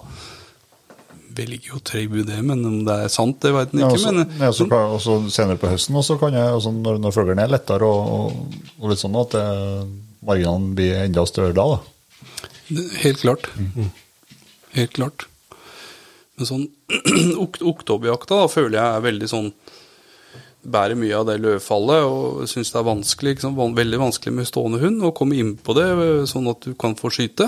De letter gjerne på veldig lange hold. Men du kan jo få noen sånn merkelige dager da, der alt trykker. Ja, ja. Det er det, er det som er så rart der òg. Du kommer midt i løvfallet, plutselig er du ute en dag, og så alt trykker. Du skjønner ingenting, ikke sant. Men på det, på det jevne, Ja, da, ja. så er det som regel sånn at vi, vi kommer ikke innpå. Veldig vanskelig å komme på hold for å skyte på dem. Mhm. eh, vi opplever kanskje ganske mange blindstander. Ikke sant? Vi har ikke ikke hørt fuglen fly engang. ikke sant? Vi har ikke sett den heller. Men bikkja har jo på en måte, den tar jo stand. Så jeg, jeg tror på en måte, selv om det er en blindstand, så tror jeg ikke det er lenge siden det har sittet Nei, fugler der. Men, eh, men så opplever jeg når du kommer i november-desember Hvis det er milde, milde dager Nå tenker jeg ikke på disse kalde, altså, for det er jo ofte kaldt da. ja. Men får du, får du en dag med plussgrader der, og lite vind Da er vi tilbake til 25. august, liksom. Ja. Ja. Det er sjukt. Men den, altså, men så har du jo de dagene der det ligger, der det ligger snø i tellene, og så får du ordentlig mildvær og regn, og så begynner det å dryppe snø og Mm. dette med store snøklatter ned på marka. Mm. Hvordan eh, oppfatning har du det, har du da? da? Syns jeg ikke er noe fin jakt. Nei. For da er de også redde. Ja. Ja, Det blir det samme som løvfallet, kan du si. Ja, det er så mye lyder i skogen da at det er jo Ja. Usikker. Er Ja, jeg, jeg, jeg lykkes ikke med det, i hvert fall. Nei. Eh, sikkert mange som gjør det, men jeg, klarer, jeg har aldri klart det. Men, men hvis snøen har dette av trærne, det har tørka opp og det fortsatt er mildt, det kan godt være slafs på bakken. Ja. Gjør ingenting. Nei.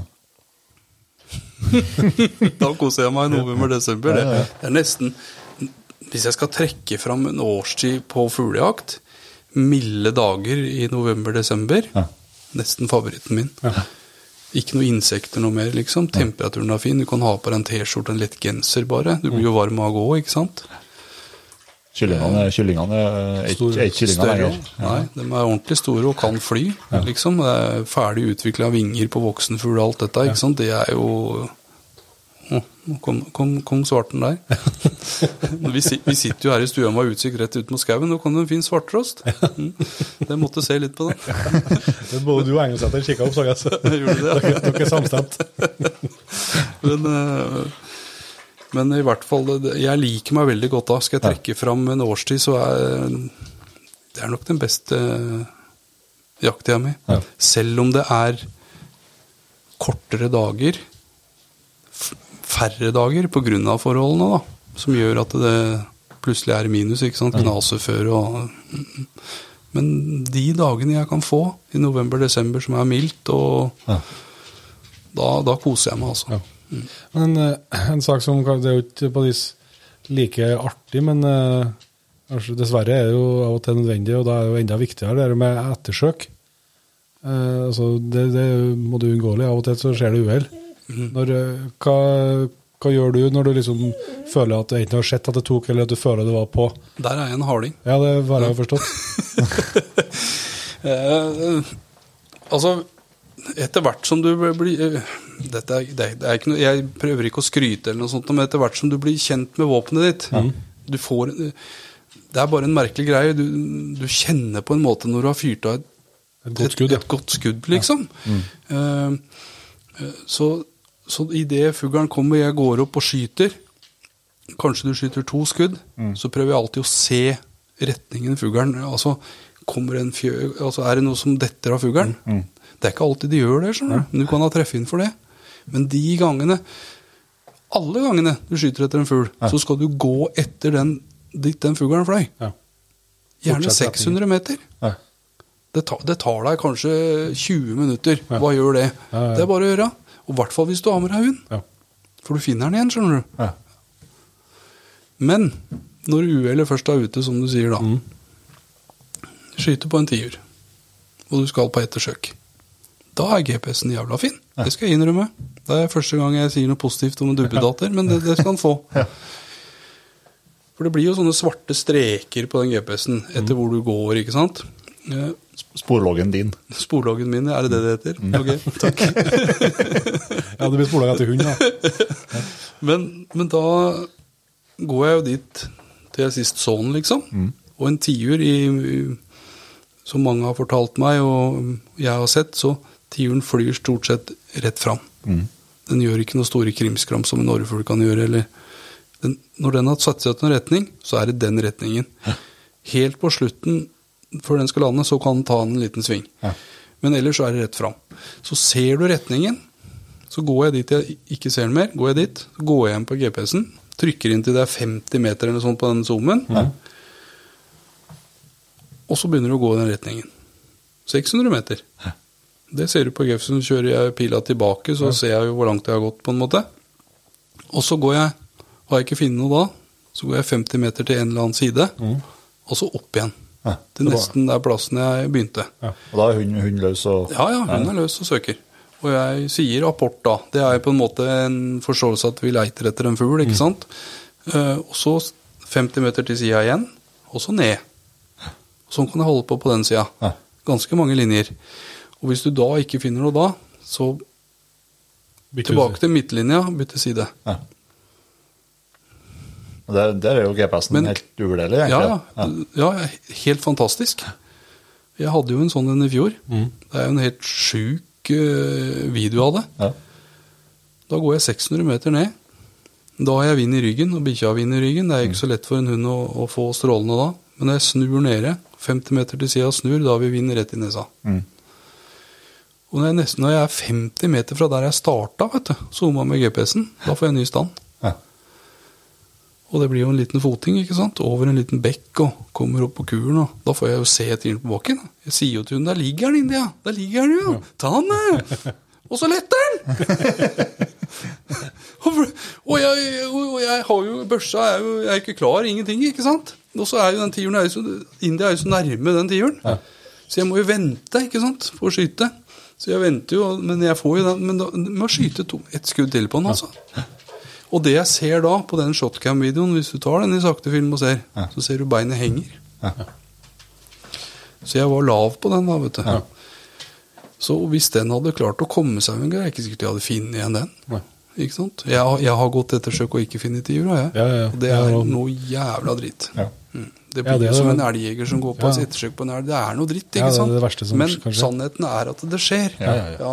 Og da må du jo i hvert fall gjøre det ytterste. Ja, ja, jeg reiste opp flere ganger dagen etterpå. Jeg. Du er helt sikker, ikke sant? Flere ganger har jeg gjort det. Jeg har lykkes med det og funnet. Ja.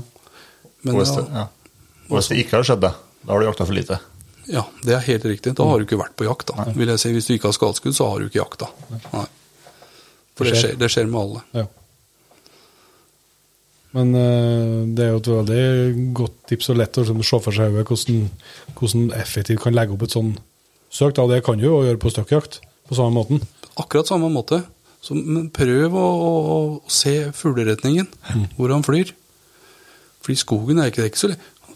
Fløy han der, liksom? Eller Det er ikke så, men, men prøv å nistirre. Ja. Se hvor du forsvinner hen, og så ta ut retning derifra. Ja. Og så litt på begge sider, antagelig, da. Mm. Men, det er, men det er surt, altså. Altså, For, for jeg har i hvert fall enorm respekt for disse, disse fugla, og dem og ikke finne dem. Det, jeg syns det er trist. Det er leit, liksom. ja, den følelsen skal jo være her. Og det, så det er jo, du skal jo, den respekten skal jo være i et liggetid. Ja, jeg føler det for Ja. alt vilt, egentlig. Så, og det tror jeg stort sett de fleste jegere har. At de har stor respekt for viltet. Og, Ja. det, og det, det, det er bra. Ja. Ja, så I sånne situasjoner så er jo, der er jo hund virkelig eh, til god hjelp, da. Ja, herlighet. Det, uten hunden så Det er vanskelig for en støkk uten gruten også. Han ser han har treffet en tiur, liksom, og begynner å leite etter den. Herregud. Men sjansene står hvis du leter igjen, ikke gjør det. Det er det. Det er det. Jeg, jeg fikk telefon av fjor fra en god kamerat som heter Torkil. Han hadde, var på støkk med far sin. Og ringte fortvila. vet du, 'Jeg skyter på en tiurhøning. Jeg står her, jeg plukker masse fjør.' Ikke sant? Jeg, vi finner den ikke. Og da sa jeg bare 'slutt å leite'. Ja. For det gjør det verre for hunden. ikke sant? Ja. For det blir så mye lukter. Så bare slutt å leite. Jeg skal komme så tidlig jeg kan fra jobben, så skal jeg være med deg opp. Ja. Den fant vi, altså. Tror han var glad, eller? Den gamle sugen, ikke sant? det var moro, da. Ja. Moro å være med på, ikke sant? Å finne. Den var jo stein dau, den. Ja, Lå kanskje 300 meter fra skuddplassen. Ja. ja, det er en gave, det. Ja, ja. Hun gikk jo rett opp i spikerstand, hun. Ja. Jeg tenkte jo, gjør deg klar, sa jeg. Vet du, kan jo faen meg hende det letter dette her, ikke sant? Den lå jo stein dau nedi der. Tøft. Så da var han glad, da. Det skjønner jeg. Det er jo, Ja. Det er jo moro. Moro å kunne hjelpe sånn. Så kjenner du noen med hund og du har skadeskutt fugl, så spør om de kan komme og hjelpe. Jeg tror de aller fleste han gjør hvis de har sjansen og muligheten, ja. Mm. Men det er noe annet som et uh, gjennomgangstema når det er snakk om uh, fuglejakt. Det er med Hagla har vi jo snakka om, men uh, sjåka og ammunisjon. Mhm. Hvilke uh, erfaringer har du? Dette, dette har vi prøvd litt på. Dette har vi prøvd ganske mye. Ja. Og han, som, han som sitter litt lenger der borte, han Ja. som heter Pettersen, Ja. han, han, er, han er ganske interessert i det. Ja, det har jeg forstått. det. For meg at det nerdes litt når dere to ansetter og diskuterer. Det kan gjøre det. Ja. Det kan det.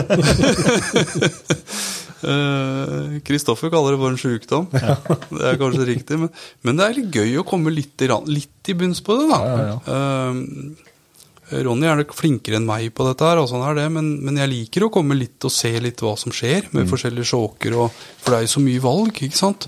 Du, du har innvendig utvendig-sjåker, du har eh, full åpning, du har skit, kvart, ise eh, Ikke sant? Verden, ja. Men, men hvis du sier du skritter opp, da Jeg føler jeg skyter mest fugl innafor 25 meter. Ja. Men si du skritter opp 25, da. 28 kanskje. Og så legger du inn patron du liker å bruke, da. Og så skyter du den på én tavle. Og så legger du den patronen Skyter på en tavle til, men med en annen sjokk. Mm. Så blir du ganske overraska. I min hagle, i hvert fall Ja. så må det gå trangt. For forskjellen fra en full åpningssjåk til en kvartsjåk, det er ingenting. Nei. Jeg ble overraska sjøl. Altså. Ja, ja. Jeg trodde det skulle være et mye større spredning og større høl i en fullåpningssjokk på 28 meter Ja. enn en kvartsjokk. Men den, den er null. Forskjellen ser ikke jeg før du kommer opp på halv trangbaring. Ja. Men da ser du forskjellen. Og det er 28 meter. Ja. Og jeg skyter omtrent ikke fugl på over 30 meter. Ja. Ser jeg en tiur som letter på 40 meter Du er kanskje med hagla opp i skulderen, men jeg skyter ikke. Nei. Det har nok noe med alderen og, og det å gjøre. Når jeg var yngre, så gjorde jeg det. Ja. Men, men nei. Men sjansen til å lykkes er så liten ja, at det er er, respektivt verdig. ja, det er ikke det. Nei. Så treffer du kanskje noen grankviser og noe greier. Jeg, nei. Ja, og sjansen for å skade er jo er jo enda større. ja. 40 meter svermen begynner jo å bli litt òg. Ja. Men uh, hva Så, så det jeg går med da i dag, det, det er eh, full åpning Ja. og skit. Det er tidligjakta. Hva, hva er skitt, da, for det er ikke jeg kjent med? Altså, Ligger det mellom eh, Eh, Det er, eh, det er mellom full åpning og kvart. Ja. Okay, Ja. Så, det, Så det er mer åpen sjåk enn kvart. Ja. Det er en mellomting. det er, du har egentlig nesten to åpne sjåker, da. Ja, si. nesten. Ja. Uh, når vi kommer ut i oktober, så kan jeg oppleve at holdene kan bli litt lenger enn akkurat den tidligjaktgreia. Da kan jeg gå fra skit til kvart. ja. Men jeg bytter ikke noe mer da. Alle er, med, er ned på halv, liksom. Ja. Nei. Nei. Det er min erfaring. Ja. Eh, og det, en kvart boring på 35 meter er ikke noe problem å skyte på en fugl. Nei. Ikke i det hele tatt. Og det, men det beste tipset her er det er egentlig å prøve, prøve, prøve litt forskjellig Når man kjøper hagl nå, så får man jo observering Ja, for det er forskjellig fra hagle til ja, hagle. man, man, man må prøve, prøve med sin egen hagle. Ja, Sett opp en pall. Ta med en, Kjøp en sånn rull med gråpapp. Det koster ikke mange kronene. Tegn en skikkelig middagstallerkenrunding med en prikk i midten. Så skritter du opp, eller måler nøyaktig 25-28 meter. Så prøv de forskjellige sjokkene med de haglepatronene du bruker. Ja. Ja. For det er jo forskjellig fra nummerering, det òg. Ikke sant? Men hva, hva har du på Hvis du først har haglstørrelse, da? Justerer du noe der i løpet av høsten, eller er fast hele Justerer litt, men ikke mye. Tidlig I Tidligjakta så kan jeg øh, Er jeg veldig glad i en papp femmer. Ja. ja. 34 gram. Men da kan jeg også putte en 36 gram sekser. Ja. Eh, men andre skuddet så er det 36 gram femmer. ja. Mm. Det er gjennom hele høsten. ja. Men den pappen går jeg bort ifra når tidligjakta er ferdig, kan du si. Den pappatronen den sprer litt mer Ja. enn en, eh, den plasten Ja. på 36 gram sekser. Den er ganske tight. Men du kjører ikke noe, det er noe magnum og treer og firer? Nei, jeg har aldri brydd meg om det. Nei. Det er uh, Rottweil 36 gram sekser. Og så er det BOP, den pappen, den femmeren. Og så er det en eh, 36 grams femmer i, i andre smellen. Som en liten sånn sikkerhet, da. Før så prøvde jeg jo treer, firer. Jeg har aldri hatt noe suksess på det. Stillestående, stillesittende fugl, stillestående harer, treer, kjempefin hagl. Men på flyvende greier jeg har aldri, aldri fått til det noe særlig. Jeg har noe suksess. Nei. Så du holder den sånn som på Ja, som du refererte i stad. Sen, altså favorittida, da, kan du si, med snøfall og november-desember. Mm. Fortsatt femmer. Femmer. Femmer i begge løp. Mm. Men da har jeg gått bort ifra pappen, altså. Ja, Da- ja, ja. Men, jeg, men det er nok av at jeg, jeg skyter jeg, jeg skyter ikke på de lange holda, vet du. Nei. Nei, altså er det jo mer hagl. Ja, det er det òg. Men en, en 36 grams femmer, det holder i massevis på de skogsfugla. Hvis du er innafor 35 meter, så er det, det, det er massevis. Det har i hvert fall aldri jeg hatt noe, noe problemer med. Men, men prøv gjerne på papp med forskjellige sjåker og litt forskjellige avstander, så, så ser du jo, du, du blir nok overraska hvor liten forskjell det er fra full åpning til kvart. Ja. I hvert fall i min hagle så er den utrolig liten. Du har jo proklamert noen turer, Henning, at du ikke er så glad i tekniske duppeditter, men eh, du har jo etter hvert hatt med en del kamera, og spesielt det som jeg er litt nysgjerrig på å høre med deg om, det er jo det med shotcam eller taktacam, eller altså så våpen, altså kamera på, på børsa. da. Det er jo flere og flere som, eh, som begynner å prøve det. Ja, det er jo blitt populært. Ja. Ja, det er gøy at folk bruker det, Ja. og, det og det er flere og flere på, faktisk på skytebanen nå som kommer med shotcam, Ja. for de vil se hvor, Hvor bommen sitter. hvor han, sitter, liksom. Ja, så det, er, det viser jo bare en interesse på at de vil lære å treffe mer, da. Ja. Så, så det er jo bare helt utrolig. Ja. Det er bra. Men det har gitt meg en ny greie for å opp, klare å oppnå å klare å filme sjøl, liksom. Ja, ja. Og prøve å lage noe bra nå. For jeg syns jo det er vanskelig å lage noe bra nå med et GoPro. Ja. Jeg syns det blir fort lange hold, liksom. Det ser, det ser litt rart ut, da. Jeg føler jeg må veldig nærme for å klare det. Ja. Men, eh, men, men bruker du det gjennom en hel høst, da, så får du jaggu til noe, altså. Gjør det. Men det, det må være litt sånn eh, ny læring. altså enig at du kan se etterpå, sånn, men, men det ser jeg jo veldig mye. og det, Når jeg filmer litt sjøl med sånt, så, så kan du liksom ja, så kan du se en elg, og så kjenne en smell, og så, så ser du bare blå himmel resten. Det er noe du må lære seg å bruke det på et vis sånn. da. Ja, jeg jeg har fått litt skryt av Kristoffer der. Eh, jeg var jo ikke helt der i starten, vet du. Nei. For det, da var det liksom fuglen fløy, og jeg opp med børsa og skyter, og så går børsa opp i lufta. Ja. Det er jo på en måte en automatisk refleks for alle, tror jeg. Ja, det er det du har lært, det må jeg lære seg til å gjøre. liksom. ja. Ja. Eh, Og ikke minst når hun er framme der òg. Ja, det er nettopp det òg. For det også er jo en litt sånn ekkel greie, da. At du liksom på en måte skal holde Og så er plutselig hunden der og lukter på, biter i fuglen og Ikke sant? Så, men, men så Chris har jo terpa meg hele tida. 'Henning, prøv å følge, prøv å følge'. Så Ja. blir det jo til slutt en sånn Nesten tenke på det. Chris er oppå her. Ja, ja, Chris er nesten Ja. Så jeg ser på skuldra. Eller i halsen, ikke sant? Nei, nei jeg tuller. Men, men, men det har på en måte trigga en eller annen hjernecelle da, på at jeg skal prøve å gjøre det. Og jeg har fått det til ganske bra på mange. Jeg har det.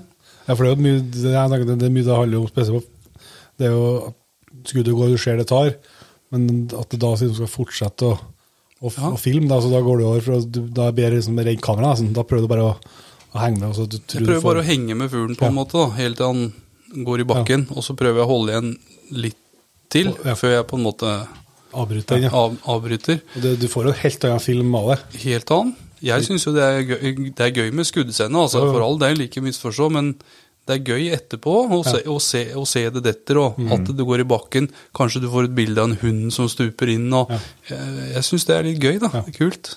Ja, så når du har da den kombinasjonen da, av, at, av at man eh, begynner å beherske den måten å bruke shotcam på, Mm. og i tillegg da har GoPro på hodet, så du får med følelsene og, og får litt nærbilder når, du- når du kommer fram til fuglen og hunden og Mm. alt det der, så blir jo den pakken med begge de to kameraene.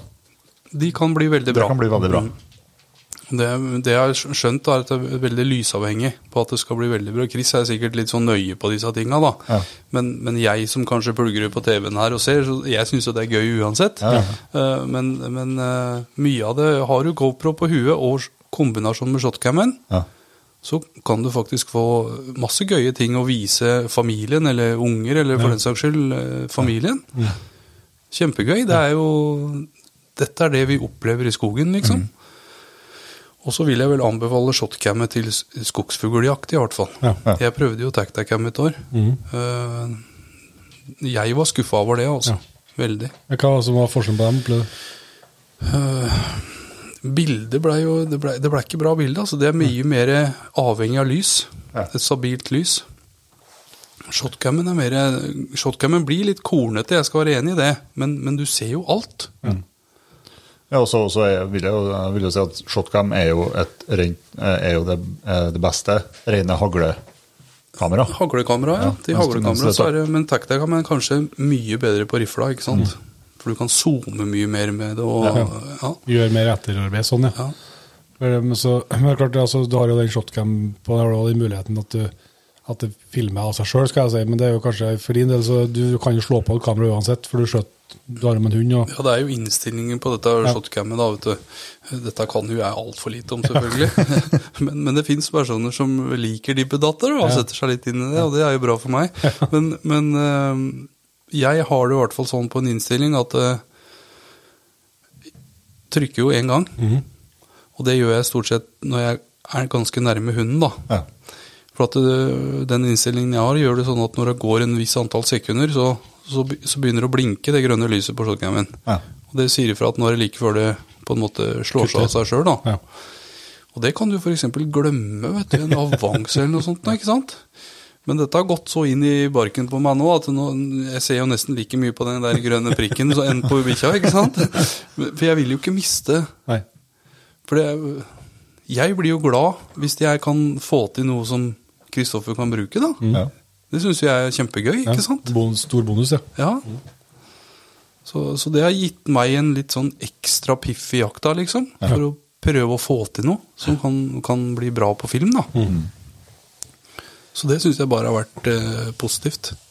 Men hvis du går eh, inn i, på jakta igjen, så et sånn virkelig adelsmerke, vil jeg si, da, på en tiurjeger som jeg har ikke fått til det sjøl, men det er jo den her dublien på tiur, da.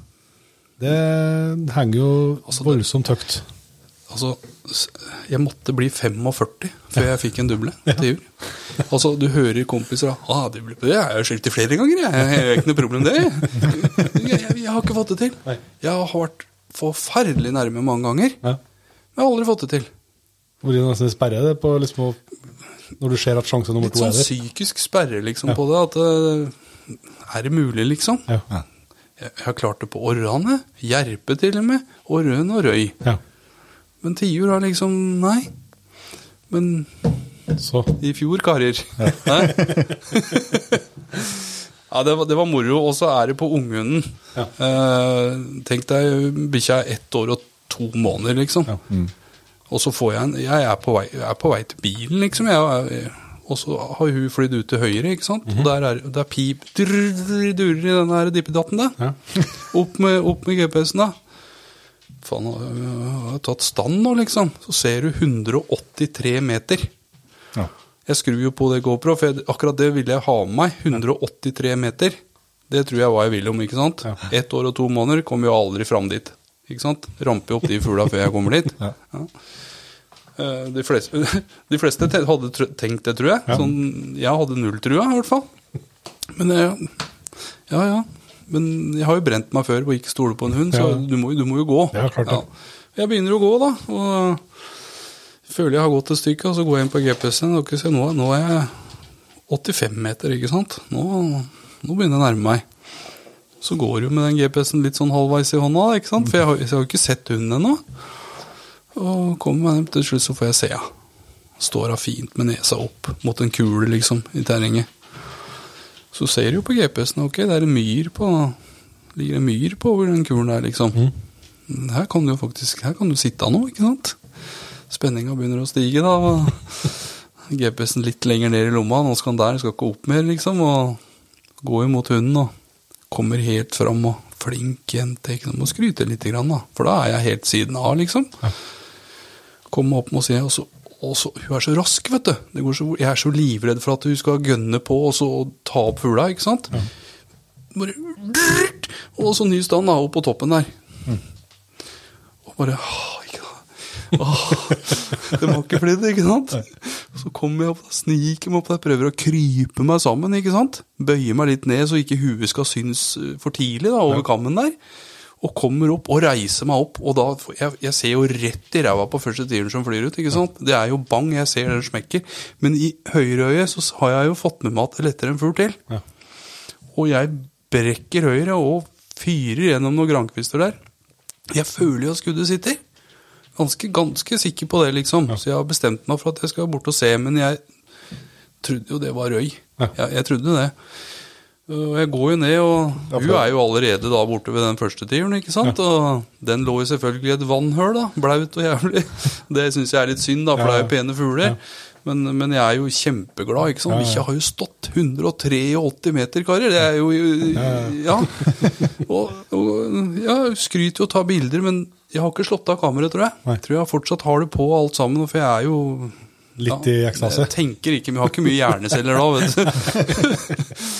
og, men så sier jeg vel på et punkt her at eh, vi har ikke glemt den andre der, vi skal bort og se. For jeg så jo retningen på den. Ja. Og, men der slår jeg av kameraet, tror jeg. Uh, og jeg bare fortsetter myra tvers over, for jeg så jo den dro på andre sida der. Og går bortover, og så, så hører jeg noen rare bjellelyder, vet du. Nesten sånn at du skulle tro det var en hund som beit på noe. Sånn Ja. Der, ja. Og jeg forter meg opp på den, en liten sånn derre øyetarm som kommer ut på myra der. Så jeg må på en måte over den øya for å se hva jeg driver med. Og kommer over der, der, står, der går hun med tiuren i kjeften, ikke sant. Det er jo en dobb... Altså, det er en Jeg trodde det var røy, men det er tiur. Og det er en duble på tiur! Kanskje, kanskje var det at underbevisstheten Og da var du jo rett på på kamera. ikke sant? Og der kommer jeg fra! ikke sant? For, du må jo prøve på en måte bevise det. da, Det ikke så lett, da, men eh, En duble. Hæ?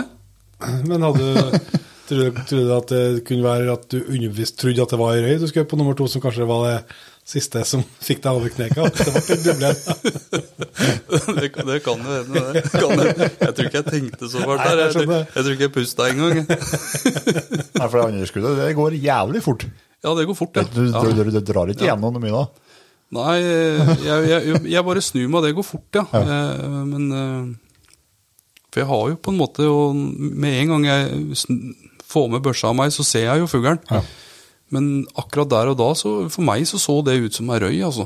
Men klart, mørk grankvister, Ja, ja, ja. og det, det er faen ikke så lett alltid, altså, for det går fort. Det går jævlig fort. Uh, Men uh, dæven, altså. Ja. Det ble, det ble noen telefoner å fortelle om hva som har foregått i skogen. Etter den turen så ble det noen telefoner, ja. ja. For det var liksom årets tur med ungehunden, liksom. Og, Det husker jeg, det, det sier du på filmen òg. At eh, det sier du at eh, den første dublen på tiur, det skulle være med India. Mm. Ikke med ungen. Nei. Jeg får den med India òg, men det, det er seinere. Den, har- den har jeg ikke på film. Det er jo tragisk, men sånn er det. Men det var jo også en syk situasjon. Helt, helt hinsides. Ja, men vi tar den, vi tar Tar den historien. vi. Ja, ja, Ja, ja. vi har god tid. Det er du som skal på arbeid i morgen. Ja, ja, ja. Meg er det ikke synd på. Men eh, han eh, Ja, jeg får jo, får jo får en stand, og, og gå mot standen. og Der er det jo ganske flatt, da, så det er, du får liksom ikke gjort så mye. Så jeg velger bare å legge meg til venstre for hunden og gå. Og det er lettere først tre tiurer. Det er for langt hold. De letter på en en 45-50 meter. Det er sånn du har nesten lyst til å skyte. ikke sant? Tre tiurer, det er jo store rygger og greier. Og, og India løper jo etter da. Med en gang de letter. Jeg har ikke noe sånn sitt i oppflukt og greier. det- Men hun løper etter, og da tar hun med seg to til. Så det er satt til fem. Ja. Er det mulig, liksom? Og så kommer hun kommer jo tilbake, da. Ja. Men da kommer hun en bue liksom mot meg litt til høyre. Da tar hun opp tiur nummer seks. Ja. Jeg får heller ikke skutt på den, for langt unna. Og Da har du jo en opplevelse av en annen verden. Ja. Altså Seks tiur, hvor ofte har du opp det på samme område? liksom sånn. Det, det har ikke skjedd meg altfor mange ganger. Og ja. Ja ja, det var det, liksom. For da hadde jeg jo hatt på kamera. Jeg hadde jo filma den standen og slår det av og går videre, vet du. Og bikkja driver på og surrer og lukter, da. Men du tenker jo, dette er jo Tiåra har jo gått her. Så her lukter det jo masse. Og går. Så letter det opp over huet på meg. Ah. Og tiur. Bang. Ned. Nummer sju. Og, ja, nummer sju. Og så du blir jo ikke sant, India, vi fikk den, ikke sant. Da er du der, da. Igjen. Glad og spreller og hopper og danser, ikke sant. Så har jeg kanskje flytta meg to skritt. Da letter tiuren en til. Ikke den samme furua, men furua siden av. Mot meg, karer. Du har, altså, han står, han står jo Det er ungtiurer, og dette, alt dette var ungtiurer.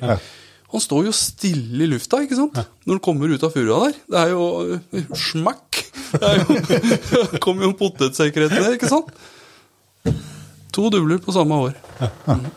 Sykt, ass. Etter å skutt i så mye tiur og jakta så mye fugl, og så plutselig kommer det to Ja. eh, chop-chop. Det er noe jeg har tenkt på i årevis. Ja. Og så ja.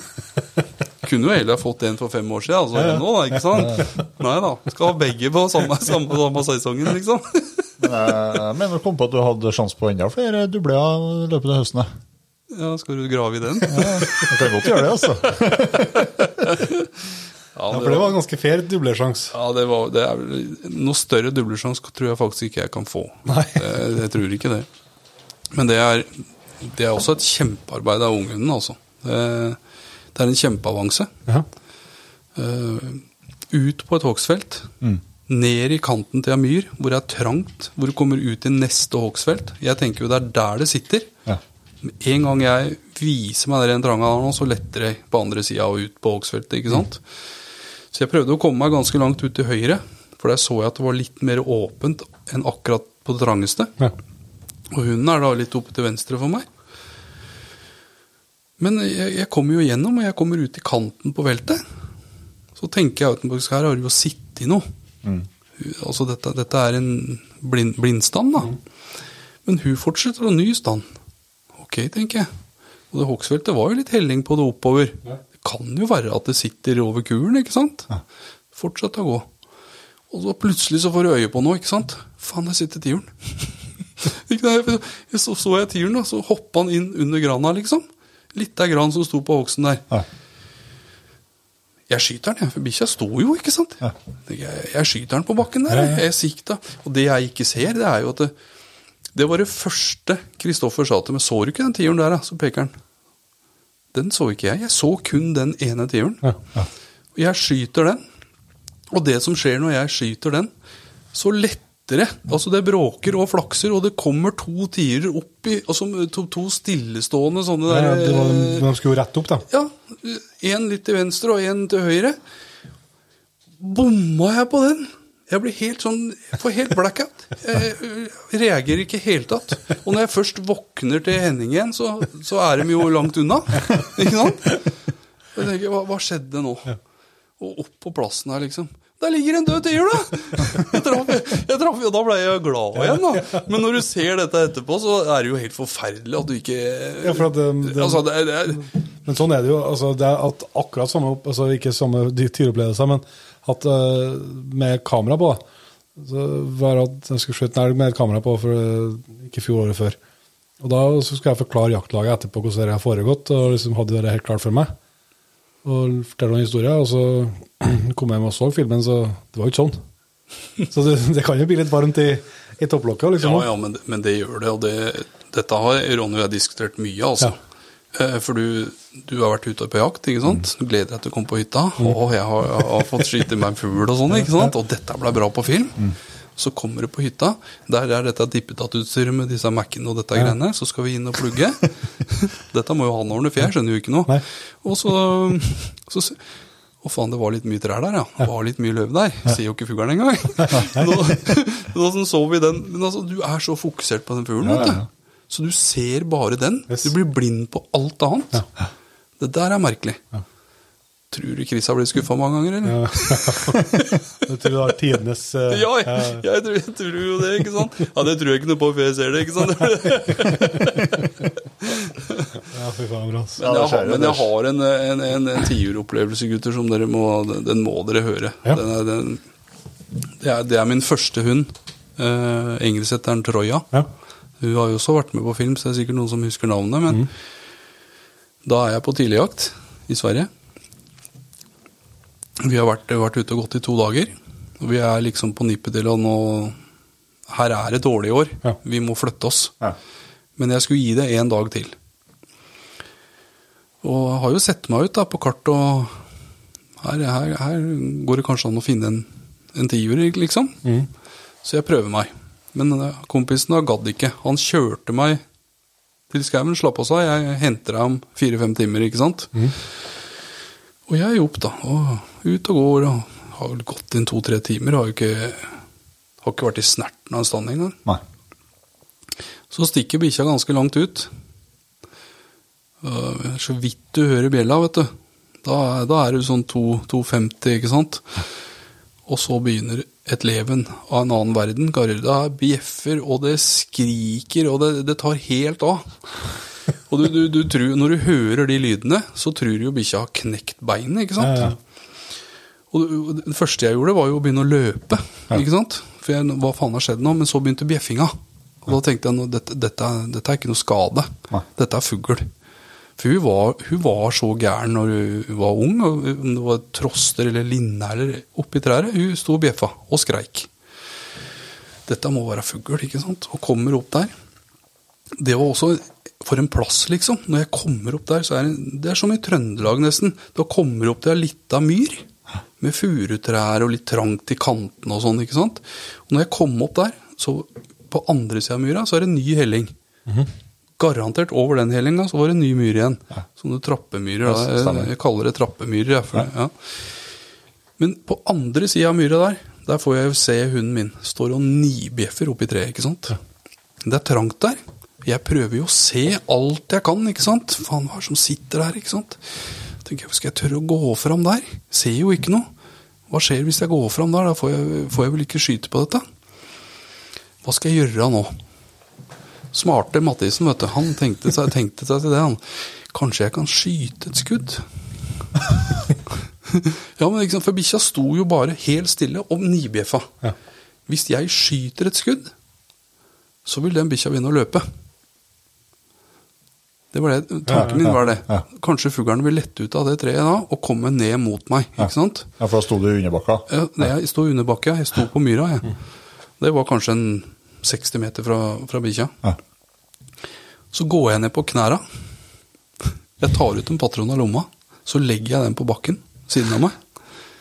Hvis, hvis jeg skyter ett skudd nå, og så hvis jeg er rask, så klarer jeg jo Så jeg har to skudd, ikke sant?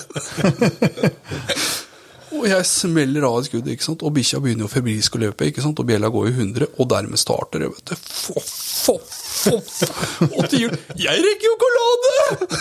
Får jo ikke knekt den børsa, jeg. Og så når den tiuren kommer nærmere, ikke sant. Ett skudd rett opp til venstre skulder. Bang, altså. Gammel tiur. Fy faen! Tenk å gjøre noe så dumt, faen! Men det gikk bra. Det funka jo. Men, altså, men jeg skjønte jo det var tiur. For den skjærte jo nebb, ikke sant? Ja. Så Men det var ganske, det var jo litt smart tenkt. For, bikkja begynte, for jeg visste at hun ville løpe da i skuddet. Ja. Det var litt, det var litt dans på myra. Dans, ja! Det var jo full jubel! Og, men hva hadde skjedd hvis jeg hadde gått fram? Ikke sant? Ja, ja. Hadde jeg brent det, eller ikke sant? Du veit aldri. Nei, ja, du vet aldri, ja. Men utrolig at den velger det, og så lykkes du, liksom. Helt ja, hinsides greie. Og, og du veit, jeg har en som heter eh, En som heter Joakim, en Fettsund-gutt herifra. Mm. Ja. Eh, han kjøpte faktisk hund av samme oppdretteren. Jeg hadde med meg han noen turer. Ja. Trivelig kar. Og han skulle være med meg med Troja. Da hadde jo hørt om alle disse fotingene. ikke sant? De lange fotingene og tiuren. Og han skulle være med og se dette. Og, og vi gikk og gikk. vet du, Hadde sikkert vært ute i fem timer. Hadde ikke, jeg hadde ikke hatt en stand på en fugl. ikke sant? Fant jo ikke fugl. Plutselig så får vi stand. Og det ender jo i avanse, ikke sant. Og da har vi jo på en måte avtalt at én skal ned, én skal opp mot bikkja. Og han fikk da nedsida. Så skulle jeg bli med hunden. Og dette varte, vet du, varte, vet du. Det ble sikkert 500-600 meter med foting. Og når jeg kommer opp nesten i ryggen på bikkja, da letter tiuren foran, henne. Der den, den tiuren vil fly oppover, men der er det en gedigen stein. Ja. Så den tiuren, den, den fly, det ser jo For meg så ser det ut som han flyr inn i den steinen. Ja. Og Troja, da, hun var, altså, at hun var på halefjøret hans Ja. Når hun strakk seg, det, det er jeg helt sikker på. Og så snur han, karer. Ikke sant? Han snur oppi der, og kommer nedover. Og, og jeg skyter jo altfor nærme på det første. Da er han jo på tre meter. Altså, Hvem er det som treffer da? Altså, Du er jo bare dum når du skyter, for at det treffer du, så eksploderer jo den fuglen. Jeg bommer på først og slipper den litt, da. Og treffer. Og da hører jeg bare der nede Faen! Faen, Jeg venta jo den skulle komme rett i fanget på han, ikke sant? Men for en opplevelse, da. To stykker, liksom. Da fikk han opplevelse den fotinga som han har sittet og hørt på jeg tyte om, ikke sant? Det er så moro. Ja, fy faen. Det er Formel 1, ja. Formel 1? Ja ja. To ganger to. Det er så rått.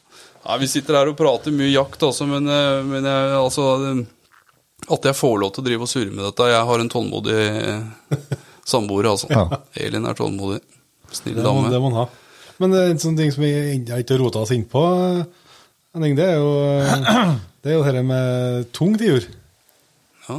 Og eh, der Nå har jeg besøk av, av, av verdensrekord landsdelen i Norge på tung tiur. Ja. Ja. Det, er jo, det, er jo, det er jo voldsomme diskusjoner det ser jeg i sosiale medier omkring det her temaet. her da. Og det, Det, har jeg fått med meg, jeg òg. For Elin, er jo, Elin, samboeren min, er jo på sosiale medier. Ja. Så øh, noen ganger så må jeg jo gå bort og se. Ja.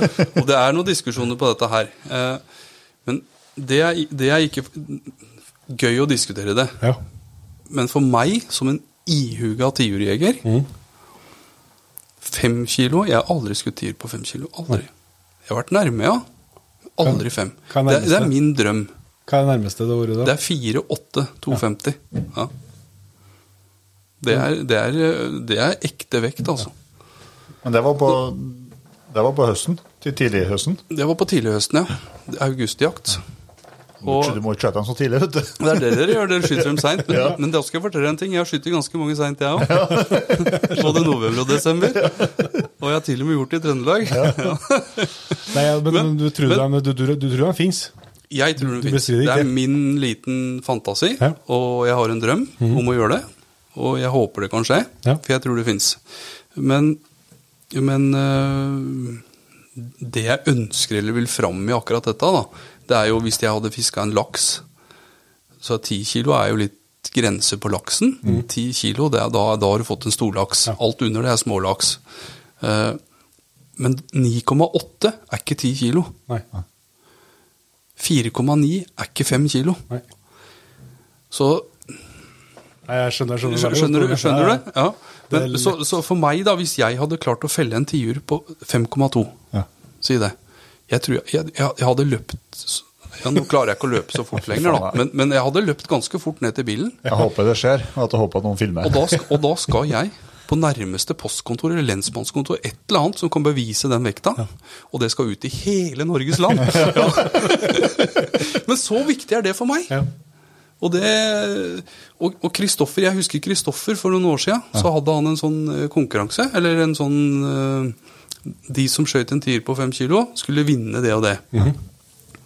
Ingen som vant den kniven. Nei. Men det året var det kanskje ikke store tiere. Nei, Jeg vet ikke. Det, Men, men altså, jeg er ikke sikker på det fins. Ja. Nei, altså, men jeg, har jo, har jo en på 5030 gram. Ja. Det, men altså, det, det var jo kjøkkenvekt hjemme. ja. Det var jo før jeg liksom Jeg har jo hørt snakk om femkilos tiur, ikke som en vanlig sak, men som en altså, stor tiur er tiur over fem kilo. Vokse opp med det.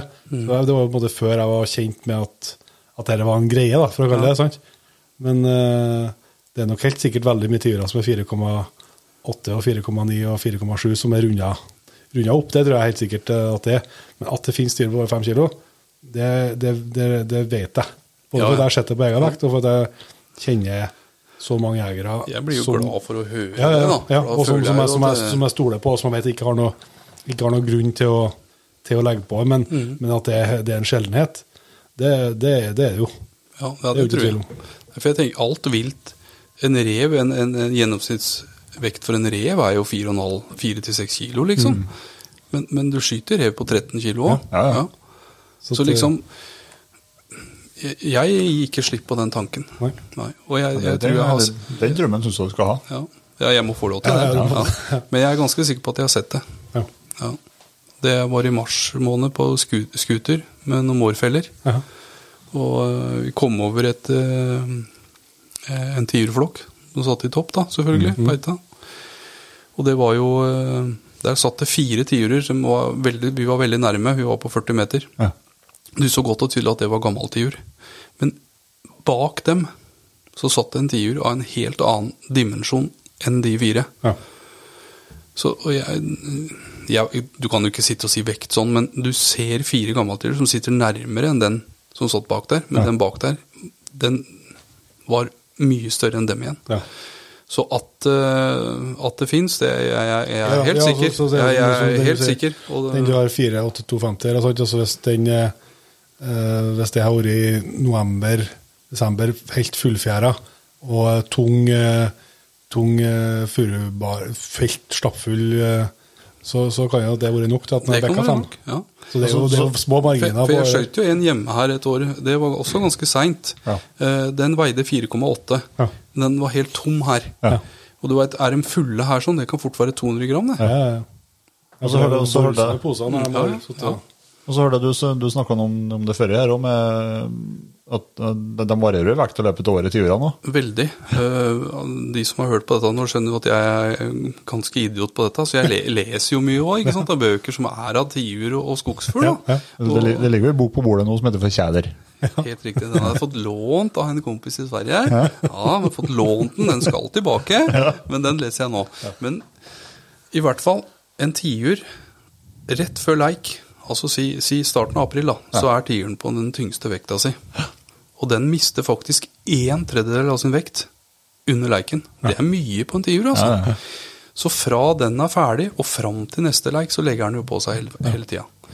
Og det er jo så- det er også vil jo helt sikkert det det er en tredjedel, sant? Det er jo helt sikkert, helt sikkert også kunne variere på hvor mye konkurranse er på leiken det året, hvor mange høner er på på, eller hvor mange røyer er det på leken det året. Altså, det er mye faktorer. Altså, Ja, det er det. når du skal, liksom, når Men det står de er- kan miste opp til Ja, en tredjedel, ja, ja, Så er, det er vel litt på de at de, noen slåss jo mer enn andre. Det, er, ikke sånn, det spørs hvor mange tiur og røy det er og alt dette. Men, men skyter du en tiur i august på 4,8 kilo, Mm.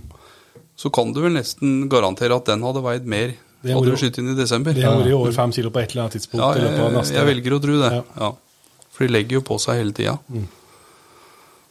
Men uh, Jeg håper vi får oppleve det en gang på, Ja, det, på film. Det, det, det håper jeg. Tenk deg det med Kristoffer. For Kristoffer har jaggu felt noen tiurer, han òg. Vi er ganske mange her på Østlandet som har felt noen tiurer. Ja. Men ingen av oss har skutt en på over fem. nei. Det er en som er veldig nærme. Fire, ni, et eller annet. Men uh, og jævlig synd. Hva var den bror din eh, la på postvekta i 4990. Ja, så 10 gram som manglet- 4,990, ja. manglet ti gram. Da, hadde- da, vet du hva, da, da hadde jeg begynt å grine. Ja, det, er jo, det er jo Justervesenet som har sjekka Ja, det, det, stod- det, altså, han la jo for han, eh, Han irriterer seg litt grønn på dere, på dere dissinga av trøndertiurene. Altså, han får jo på postvesten og la på postvekta. Ja, La hele turen der, og så tok han bilde med, og da ser du jo klistremerket. Justervesenet. ja.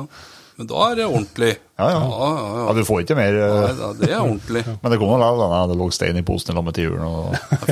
Når jeg, skyter, når jeg skyter en gammel tiur, da, så er jeg veldig eh, Jeg har med alltid litt papir i sekken. For du legger du en tiur ned i sekken, kan du si, og du, skal, du tar den opp av sekken igjen, så eh, jaggu det renner ut 100 gram blod òg, vet du. Men, men stapper du nebbet fullt av papir, da, så, så har du det på plass, i hvert fall. Så at, at vekta kan gå noe ned ved å ha hatt den i sekken noen timer, det, det kan sikkert gjøre, men, men da har det i hvert fall ikke blodet rent ut. Men, det- men det har jo det, som jeg har forstått, de som kan mer av det enn en meg, det er jo en, det er forskjell på tiuren på Østlandet og i Trøndelag. Ja, Altså, Kyllingene er, de er større. Altså, i, I snitt er det er det hele unntak på alle, alle retninger, men det, de virker til å være større. Mhm. Ja, men det, det kan nok ha noe med kalkinnholdet i jorda og Ja. alt dette. Gro, Ja. Vekstforhold og alt dette. Det ser du på elgen sikkert òg, Ja, på forskjellige det, områder. Ja, også vil jeg tro at gena er en sak på, Mhm. på tiur så vel som elg og hunder og det som, det som er. Så garantert at det spiller inn. Det er jeg helt sikker på. Så Men eh, så må vi, før vi går over, vi har noen faste spørsmål på slutten, eh, Henning, som du skal deg gjennom òg, men eh, hva du skjøter jo mye fugl, det forstår jeg. jo. Hva du lager av mat? Her, da? gøy å lage mat. Ja. Det man skyter og jakter sjøl, så det er jo gøy å lage noe tilberede noe til det. Mm.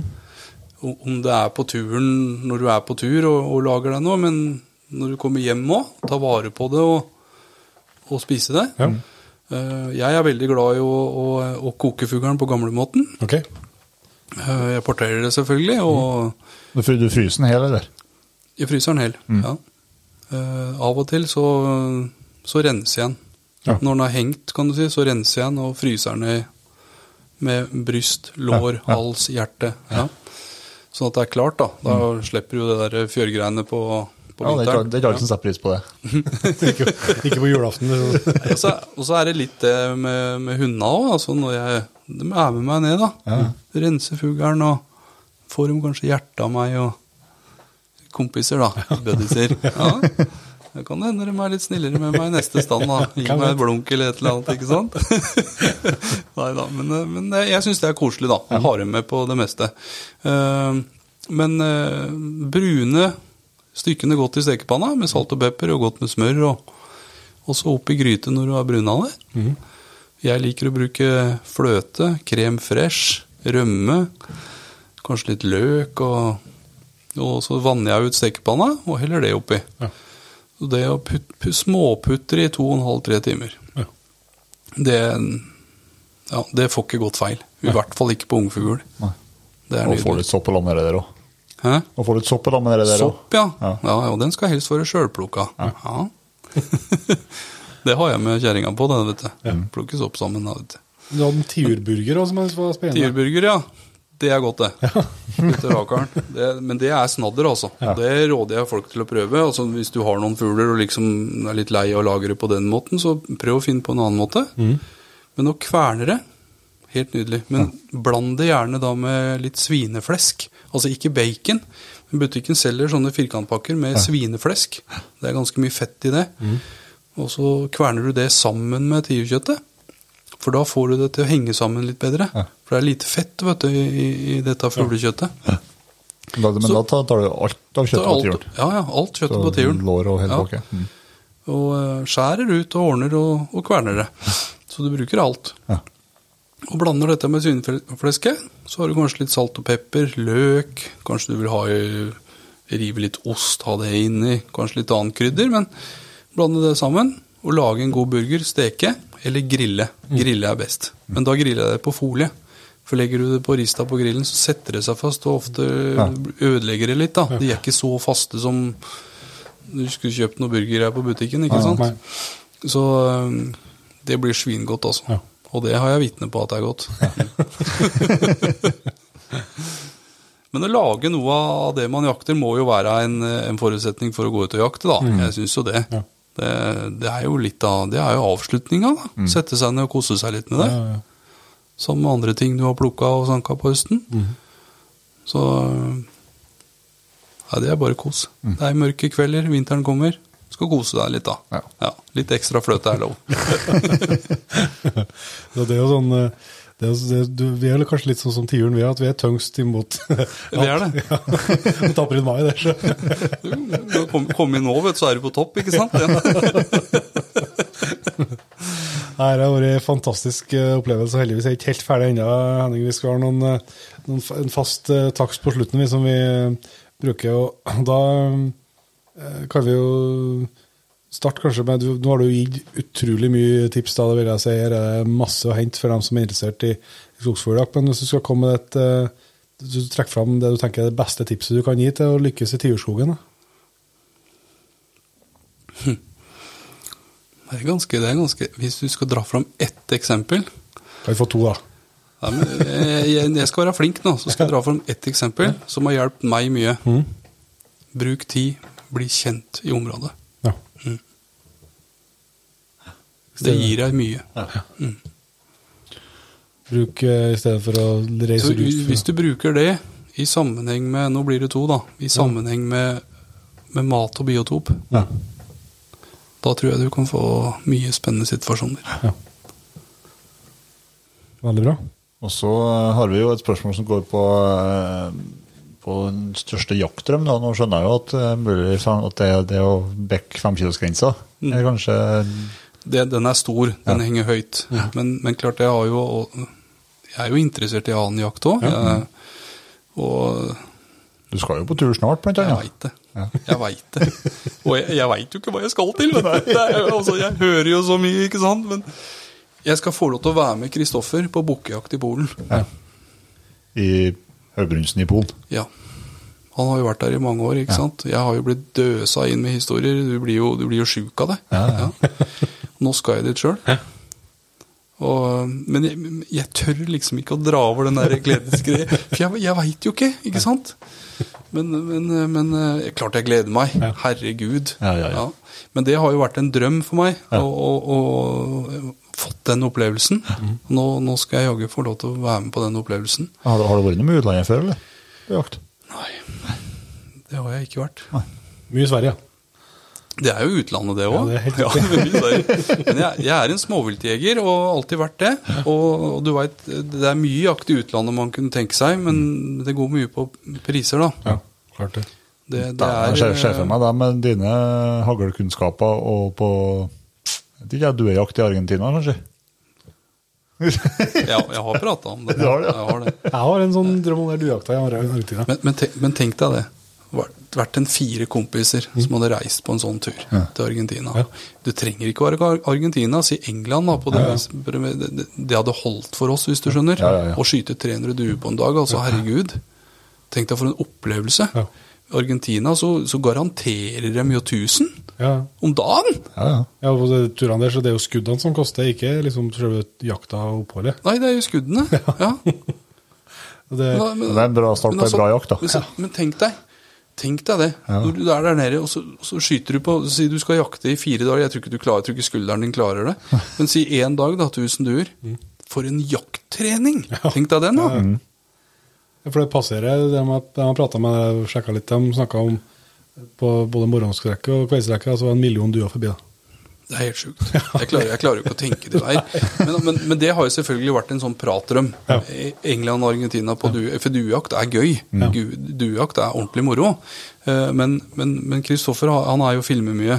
Og en ting som jeg ser på som, som ser veldig kult ut, det er den derre høystakkjakta på rev. Har du sett den? Ja, ja, ja. ja, ja. Det er jo Det ser helt- Det ser jo helt rått ut. Ja, ja. Ja. Det, det, Det er terrierne dere? ja, er- ja, ja. ja. Slipper dem inn der, og du fan, Ikke sant? Det er jo Det, det, det, det Ja, syns jeg ser- det ser heftig ut, ja. Ja, jeg syns det ser skikkelig gøy ut. Og tror du slett, og tror du ikke du trenger å punge ut med så mange tusenlapper for å være med på, eller? Nei, jeg gjør kanskje ikke det. Nei, det tror jeg ikke. Jeg har jo, Kristoffer er jo der, så hadde jeg spurt, så hadde jeg sikkert fått lov til å være med en gang. Det, for det der ser eh, Ja, det ser det, det, klart ut. det ser eh, veldig kult ut. Gjør det. Men klart, nå, nå, skal jeg ta med meg den bokjakta der nede. Det, ja, det tror jeg faktisk blir stort for meg. Mm. Siden jeg, jeg har jo ikke vært på utenlandsjakt før. Jeg jakta for de store eller artene her, da. Ja. Som, av småvilt. Mm. Og, um, Å få oppleve det der, det Ja. Det. Det ser jeg fram til. Ja, det skjønner jeg. Du, eh, Vi har snakka litt utstyr, men eh, hva er jaktutstyret ditt er du mest glad i, noe som du kan tipse videre om? Det er lov til å tipse om bjelle, f.eks. Ja, det var det. Har lov til å nevne bjella. Ja. Bjella har eh, betydd mye for meg, og jeg har lært mye av bjella. Jeg vet du hva den heter, den du bruker? Nei, har jeg ikke navnet på. Nei. Men det står nummer én på den på bjella. Ja. Den er ganske vanlig. Selges i de fleste dyrebutikker som selger jaktutstyr. Ja. For du har en større bjelle også, som har en mye tyngre klang. Men den synes jeg hører, den hører jeg for dårlig. Ja. Så jeg må ha den lille, som det står nummer én på den. Ja. Akkurat hva den heter. Er det, heter ikke den Dogman, da? ja. Det er noe merke i hvert fall, ja. Ja, jeg, jeg, tror det. ja. Men den, den har gitt meg mye, også mye glede. Det har den. Og jaktutstyr generelt. Jeg er mann med måte og uh, bruker det jeg har. ja. Ja, det trenger ikke å det er et veldig bra svar. Det. Men vi har jo, vil jeg si, fått særdeles mye gode jakthistorier i denne praten her. eh. Men så er det sånn at vi runder bestandig av med jakthistorier. Altså, er det mulig å få ei til på slutten, eller? En til. Ja. Det må jo være en Det må jo være Jeg, jeg, kan, ta, jeg kan ta fram India, da. ja. Eh, denne gangen er det ikke tiur, men det er, det er en heftig opplevelse. Mm. Eh, jeg, jeg, jeg sleit jo lenge med India. Eh, hun, var, hun var ikke fullt ferdig før hun var tre og et halvt år. Eh, men det året så var hun ferdig òg. Ja. og eh, jeg får en avanse på henne. Jeg er ganske sikker på at det er tiur. Mm. For det, det er ganske langt. Eh, men så finner jeg en del møkk da, i, i myr og, og fjør, som tilsier at faen, dette er orrfugl, liksom. Eh, men eh, avansen fortsetter jo. Og hun står jo til slutt midt på ei myr, ganske breit over. Jeg kan jo ikke gå og valse over her. Nå sitter de jo kanskje i kanten på andre sida der, ikke sant. Så, men, men, men jeg velger å gjøre det. Jeg, jeg tenker, jeg, jeg går rett over. For det var jo langt rundt, vet du. Ja. Og da kunne jeg jo ha støkka dem sjøl. Komme mot dem. Så jeg, så jeg valgte å gå etter henne. Når vi kommer på andre sida, da letter det et gedigent orrekull. Jeg, jeg skyter først ett skudd. Jeg får jo Du tenker svart. Ja. Øh, Jeg veit ikke, det er bare en sånn som har blitt de siste åra. Så tenker du svart. Det, det, det må jo ha vært en åtte-ni fugler, ikke sant? Det, var, det tok helt av. Jeg, jeg får, får meg ut en svart en og skyter den. Og jeg ser neste svarte ligger foran den igjen. Breker hagla ut til venstre og banker på den, ikke sant. Dubler på, på hana, da. Store, fine hanekyllinger, ikke sant. Begynte å få lyrehale, og det er ordentlig fine. Og jeg går jo og plukker opp den ene, ikke sant. Og så in India stikker jo videre.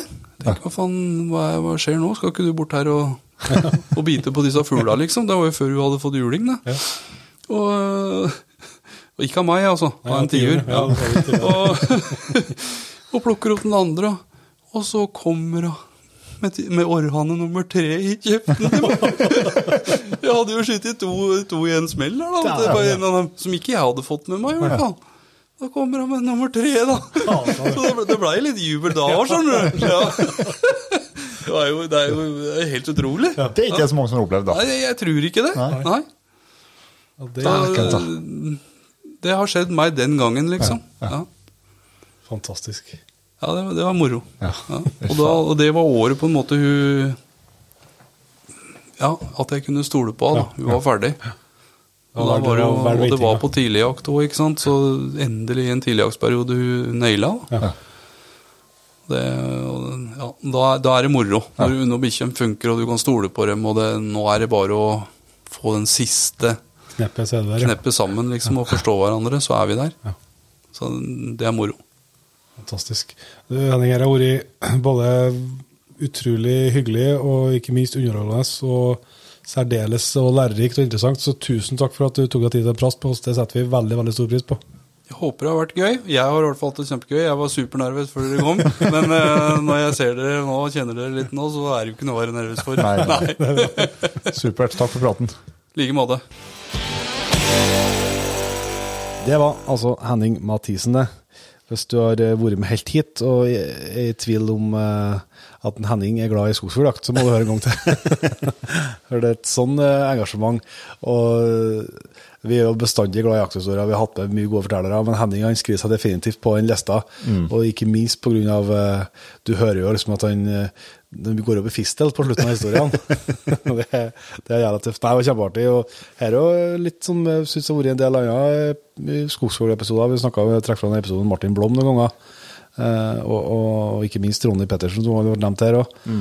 det her med liksom eh, delinga av erfaringene. Ja. Han og der er det mye liksom sånn helt konkrete tips som det går an å ta med seg ut i skogen og prøve sjøl. Så um, nei, det håper jeg at eh, du som har vært med oss eh, hele veien, syns eh, var bra å få med seg. Vi har et eh, knippe nye P3-en som vi skal takke for å runde av òg. Ja, kjør på. Vi sier tusen hjertelig takk til Andreas H. Paulsen, Jørgen Gjelle Magnus Hamre. og Jon Haugebo. Tusen hjertelig takk til dere, og takk til hele P3-laget som allerede er med. Det er plass til flere, så det er bare hvis du hører på dette og ikke er med i jaktlaget, eller holder ut en stund, eller eh, sånn, så er du hjertelig velkommen tilbake. Det er jo det kommer stadig flere P3-episoder på, på lista, og vi har òg nyheter som vi har delt om at Jegertone kommer tilbake. Og det skal jo eh, sesong to deles først og fremst med Patriens, uten tvil. Og ikke minst så er jo nettbutikken igjen nå åpnet Yes. for høsten etter en liten eh, stenging pga. messe. Og eh, det kan jeg love deg at hvis du logger inn Patrion-kontoen din på nettbutikken vår, så skjer det ting med prisene som du kommer til å bli glad for. Så det er nå et, eh, et godt tips. Men vi må vel komme oss ut og slippe den unna igjen, vi. Ja, det gjør vi. Så da ser vi som bruker å gjøre til neste gang. Vi høres. Tusen hjertelig takk for at du valgte å bruke litt av tida di på Jegerpodden. Sjekk ut jegerpodden.no eller eh, din favorittpodkastspiller for enda mer innhold og flere episoder. Følg også Jegerpodden på Facebook og Instagram, og ikke minst, husk å fortelle alle gode venner, familie og tilfeldige forbipasserende om Jegerpodden, sånn at vi får spredd det glade budskap videre. Vi høres.